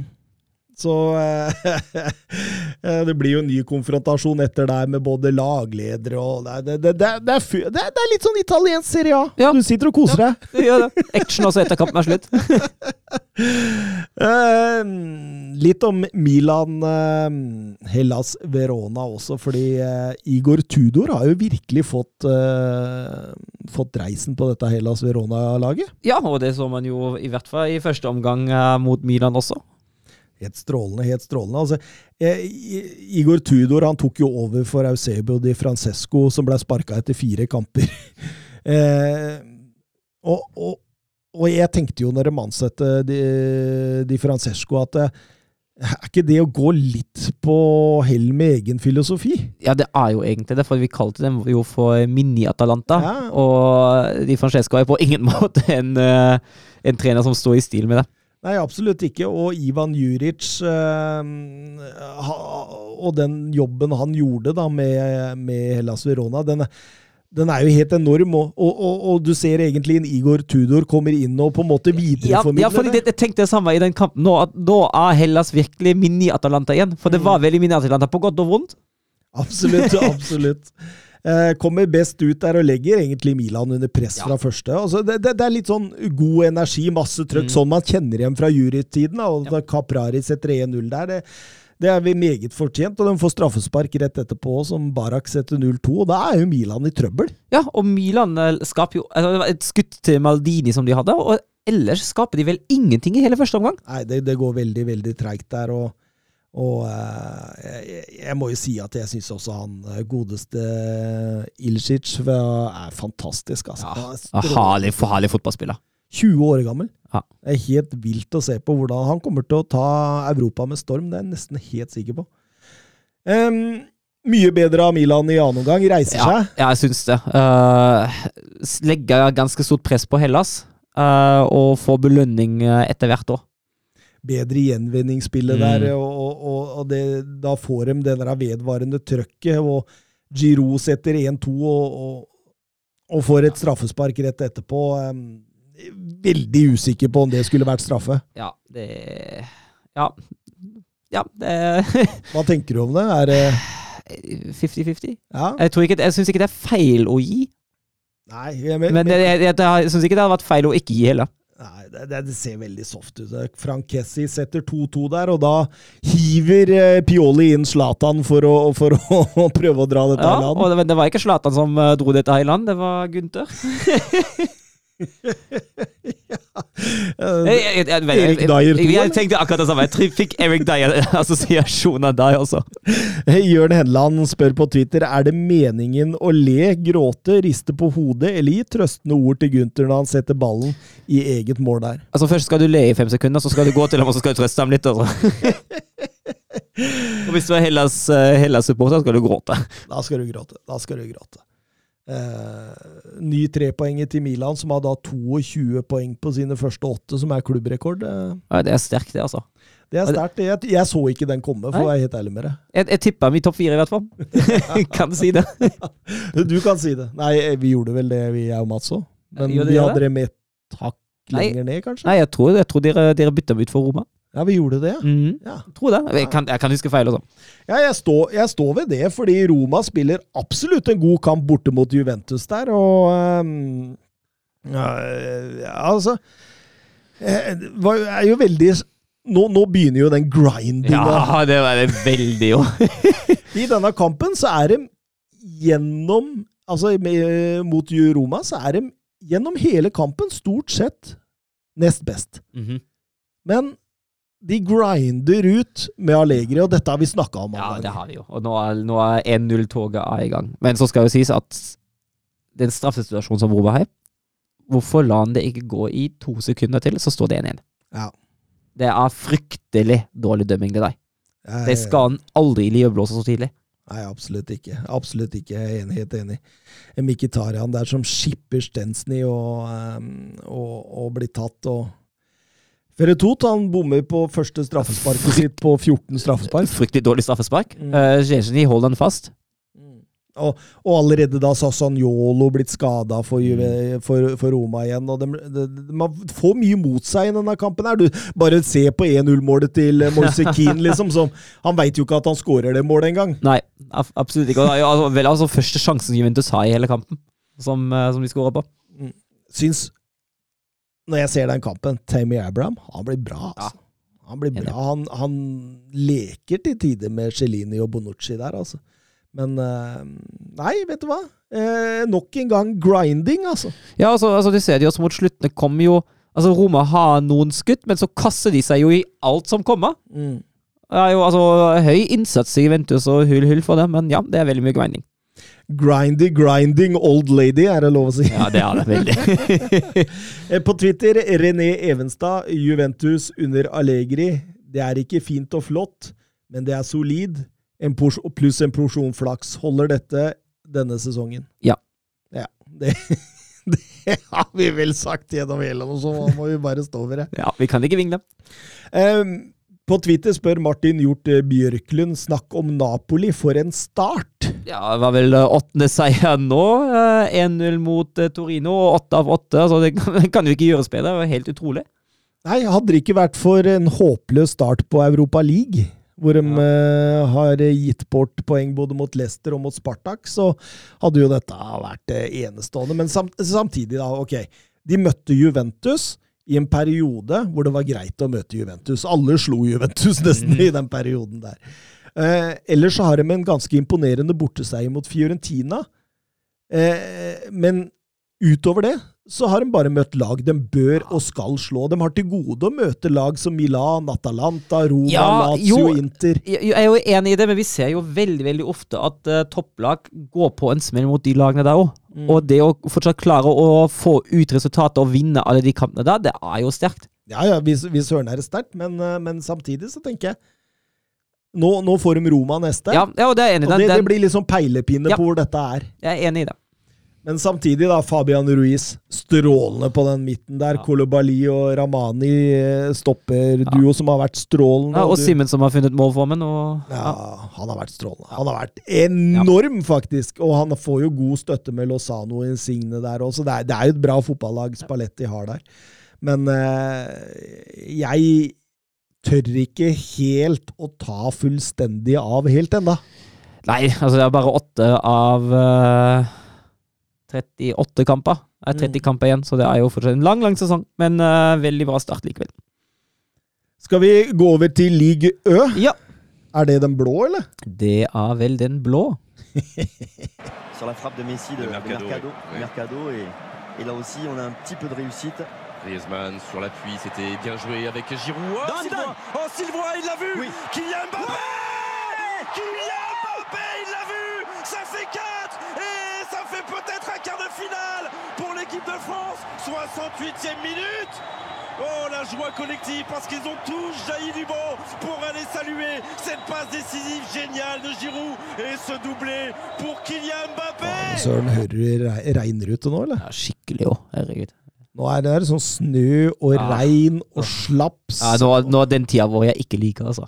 Dette her er Altså, vet du hva? Jeg- Hver eneste gang på denne tida her så har jeg lyst til å flytte til Spania eller noe sånt. Dette her er for jævlig. Altså, du Ja. går ut, og du fryser, og du blir Ja, våt, og Åh. Det er helt krise.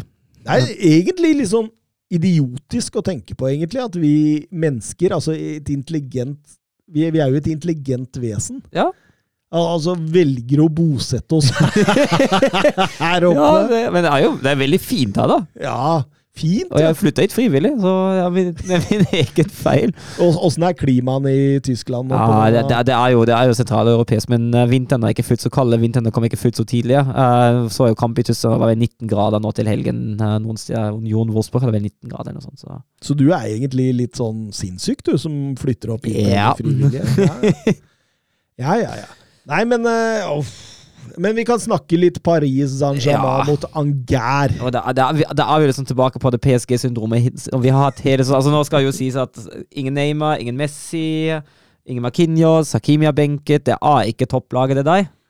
Nei, det er ikke det. det, er Um, ikke det. men vi er fortsatt tilbake på PSG-syndromet denne sesongen. her, At, uh, det blir resultat, uh, men det blir ikke en uh, suveren og enkel seier her heller. Det gjør ikke det, altså. Det, altså de åpner bra. De har, de, er mange sjanser. Ja, ja. Bra trøkk i gjenvinninga. De varierer angrepsspillet mellom kort og det å stikke den langt på eh, Mbappé i bakrom. Og, og det, det, det ser jo ut som ok, nå, nå skal de sette et eh, eksempel her. Eh, Mbappé har et par tidlig, Rafinha en, og, og Angar er veldig opptatt av å ligge i balanse og ikke pådra seg brudd. Og så begynner man å ane etter 20-25 minutter at Angar har liksom fått måte kasta bort respekten og begynner så smått å spille seg fullstendig inn i matchen. Og hvis du ser på skåringa, hvor lite press det er på ballfører, det jo helt skandaløst. Ja, det er helt det, Jeg skjønner ikke hva de driver med. Det er Sjo som driver opp der, eh, leverer til Bofall som nydelig langs bakken tilbake på bakerste der. Ja, altså det Folgini som setter den. Mm. Dagba som ikke får, får kontakt med ball der, og, og det er ikke ufortjent i det hele tatt. og og det, det, det blei jo litt sånn seigt med uttaket av de første 10-15 minuttene for eh, Paris Saint-Germain der. Ja, det ble det. Eh, Ut i annen omgang så, så, så styrer de jo eh, mye mer, men det blir mye nesten. Ja, det blir veldig mye nesten. Det blir ikke veldig mange store sjanser, eh, men det holder akkurat inn. For du har et eh, godt Mbappe-innlegg på, på Danilo Pereira eh, etter halvspill eller 20 minutter for slutt, som, eh, som settes etter en kone, kjølvannet av en kone. Eh, og så har du en VAR-straffe etter hendt som jeg syns er ganske billig. Den er, den er litt billig, den er det. Men samtidig så er altså, han Det dommeren går på, at det er en unaturlig stilling. Ja, det er akkurat det. Og, og du, du, kan, du kan mislike det, og du kan Ja. like det, og alt mulig, men samtidig Sånn, altså, sånn, så sånn har de er det. retten. Sånn er det, ja. Jeg vet. Sånn er det. Og da banker Mbappé inn 2-1 eh, på Parc de Prance der og sender Paris Saint-Germain i himmel. Så er det Paris Saint-Germain som liksom fikk litt sånn publikum imot seg lenge på, på 0-1 der i annen omgang. Ja, litt forståelig nok, med tanke på den prestasjonen som du har vært inne på. Men, men samtidig så er jo de liksom også som grinder til Ja. slutt ut, da. Og, Altså, de har, jo, de har jo så mye høyere kvalitet enn de lagene de møter. At hadde de, altså, hvert, eh, hvert tap er jo nesten smedelig. mm, mm. Nå har eh, Paris Saint-Germain tatt ni poeng etter å ha ligget under denne sesongen. Det er mest av alle, så det fins i hvert fall en moral der. Det er altså. også en kvalitet der, ja. Mm. Ehm, tre poeng, nye poeng til Pochettino, som liksom på en måte lever litt sånn han, han har mye kritikk nå, han Ja, forståelig litt. nok. Ja, ja, men samtidig så Det går litt på spillere av dette her òg, altså. Jo, jo, for all del, men altså, altså han, hva, hva annet lag skal han ønske seg? Altså, han må jo klare å få i gang et lag. Og vi har jo vært inne på at han ikke har gått over til trevekstlinje for lengst, mener jeg er en gedigen feil. Mm. Mm. Ja, det, det, det er jeg helt enig med deg. Helt enig med deg. Eh, Lyon slo Monaco 2-0. Eh, Nis tapte over Troya med 1-0 eh, der, og eh, Marseille vant 4-1 over Lora. Så det, det gjør jo egentlig at eh, at det er Marseille nå som begynner egentlig å ta mest heng, føler jeg. Ja, men altså, på det, det, det er så ukonstant bak deg. Generelt, de lagene er så ukonstant, og da klarer de ikke å utfordre. Nei, det er, det, det, det er nettopp det. Det er ekstremt ujevnt bak der. Mm. Og du liksom, det går fra det ene til det andre. Og nå, egentlig NIS har jo på mange måter sett det ut som det laget som kanskje kan, og så, så plutselig så senker de seg igjen, og så er det Monaco og det Mens Paris Saint-Germain, de bare henter trepoengere jevnt og trutt. Det blir, det, blir, det blir ikke noe spenning her, søren. Nei, det blir ikke det. PSG kommer til å ta det. Ja, de gjør nok det. Marseille oppe på tredjeplass nå, så det ser ut som eh, de eh, er i hvert fall uh, Gendosi har vært strålende, Ja. forresten, for, eh, for Marseille nå. Ser ut som han virkelig eh, Virkelig eh, får sitt gjennombrudd. Ja, Det er veldig hyggelig. Eh, litt eh, europahjørne før vi eh, sier natta.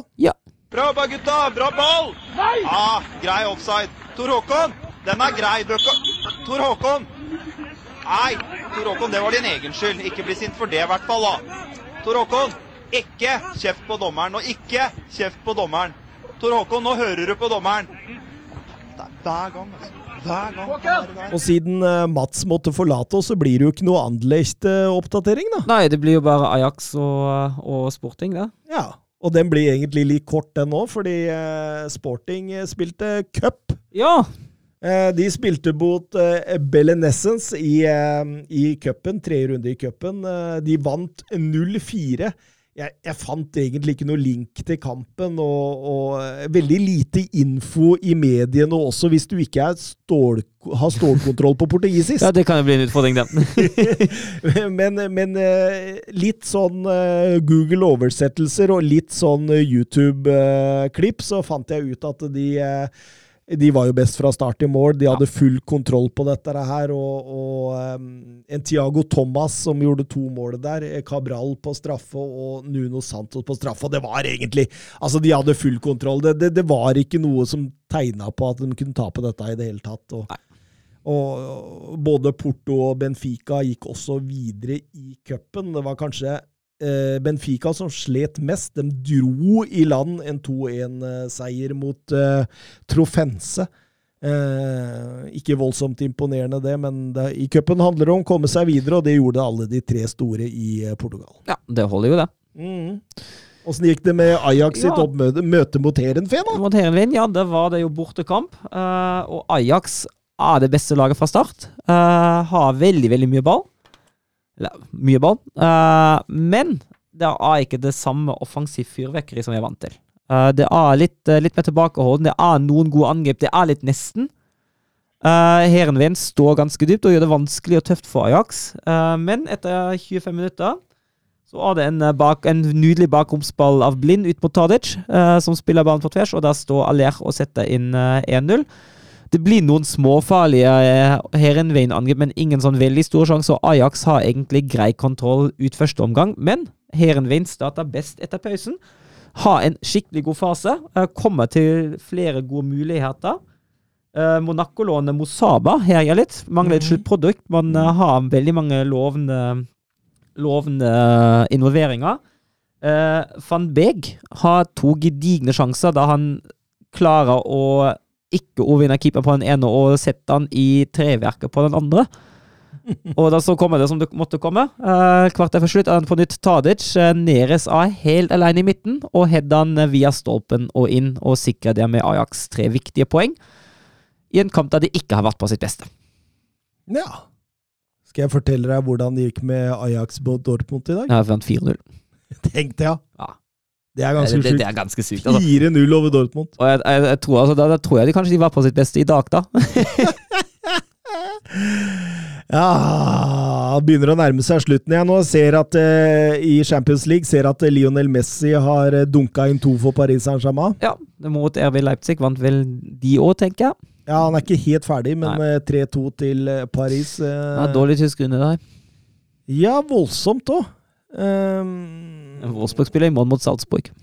Liverpool ser ut til å dra i land en 2-3-seier borte mot Atletico Ja. Madrid.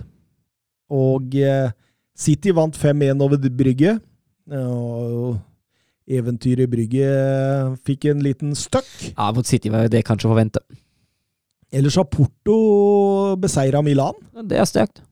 Sporting Lisboa, mitt lag i europahjørnet, vant 4-1 over Besiktas. Mens Real Madrid vant 5-1 over Sjaktar Donetsk, og Inter vant 3-1 over Sheriff. Så det Interessant runde! Er veldig. Få se hva det blir i morgen, da. Ja, det, da kan vi se, for da sitter vi ikke her. Stemmer det. Nei, eh, Søren, det er jo ikke nødvendig å sitte her. Mats har forlatt oss for lenge siden. Du skal vel opp og ta en buss snart. Og, Nå har jeg nettopp mista bussen min, så så da har du god tid til å sitte her med meg og redigere, da. det har jeg. Den er grei, vet du, men da, da sier vi bare ha det til alle, så. Ha det. Messi surging forward with real menace here. Brilliant from Messi.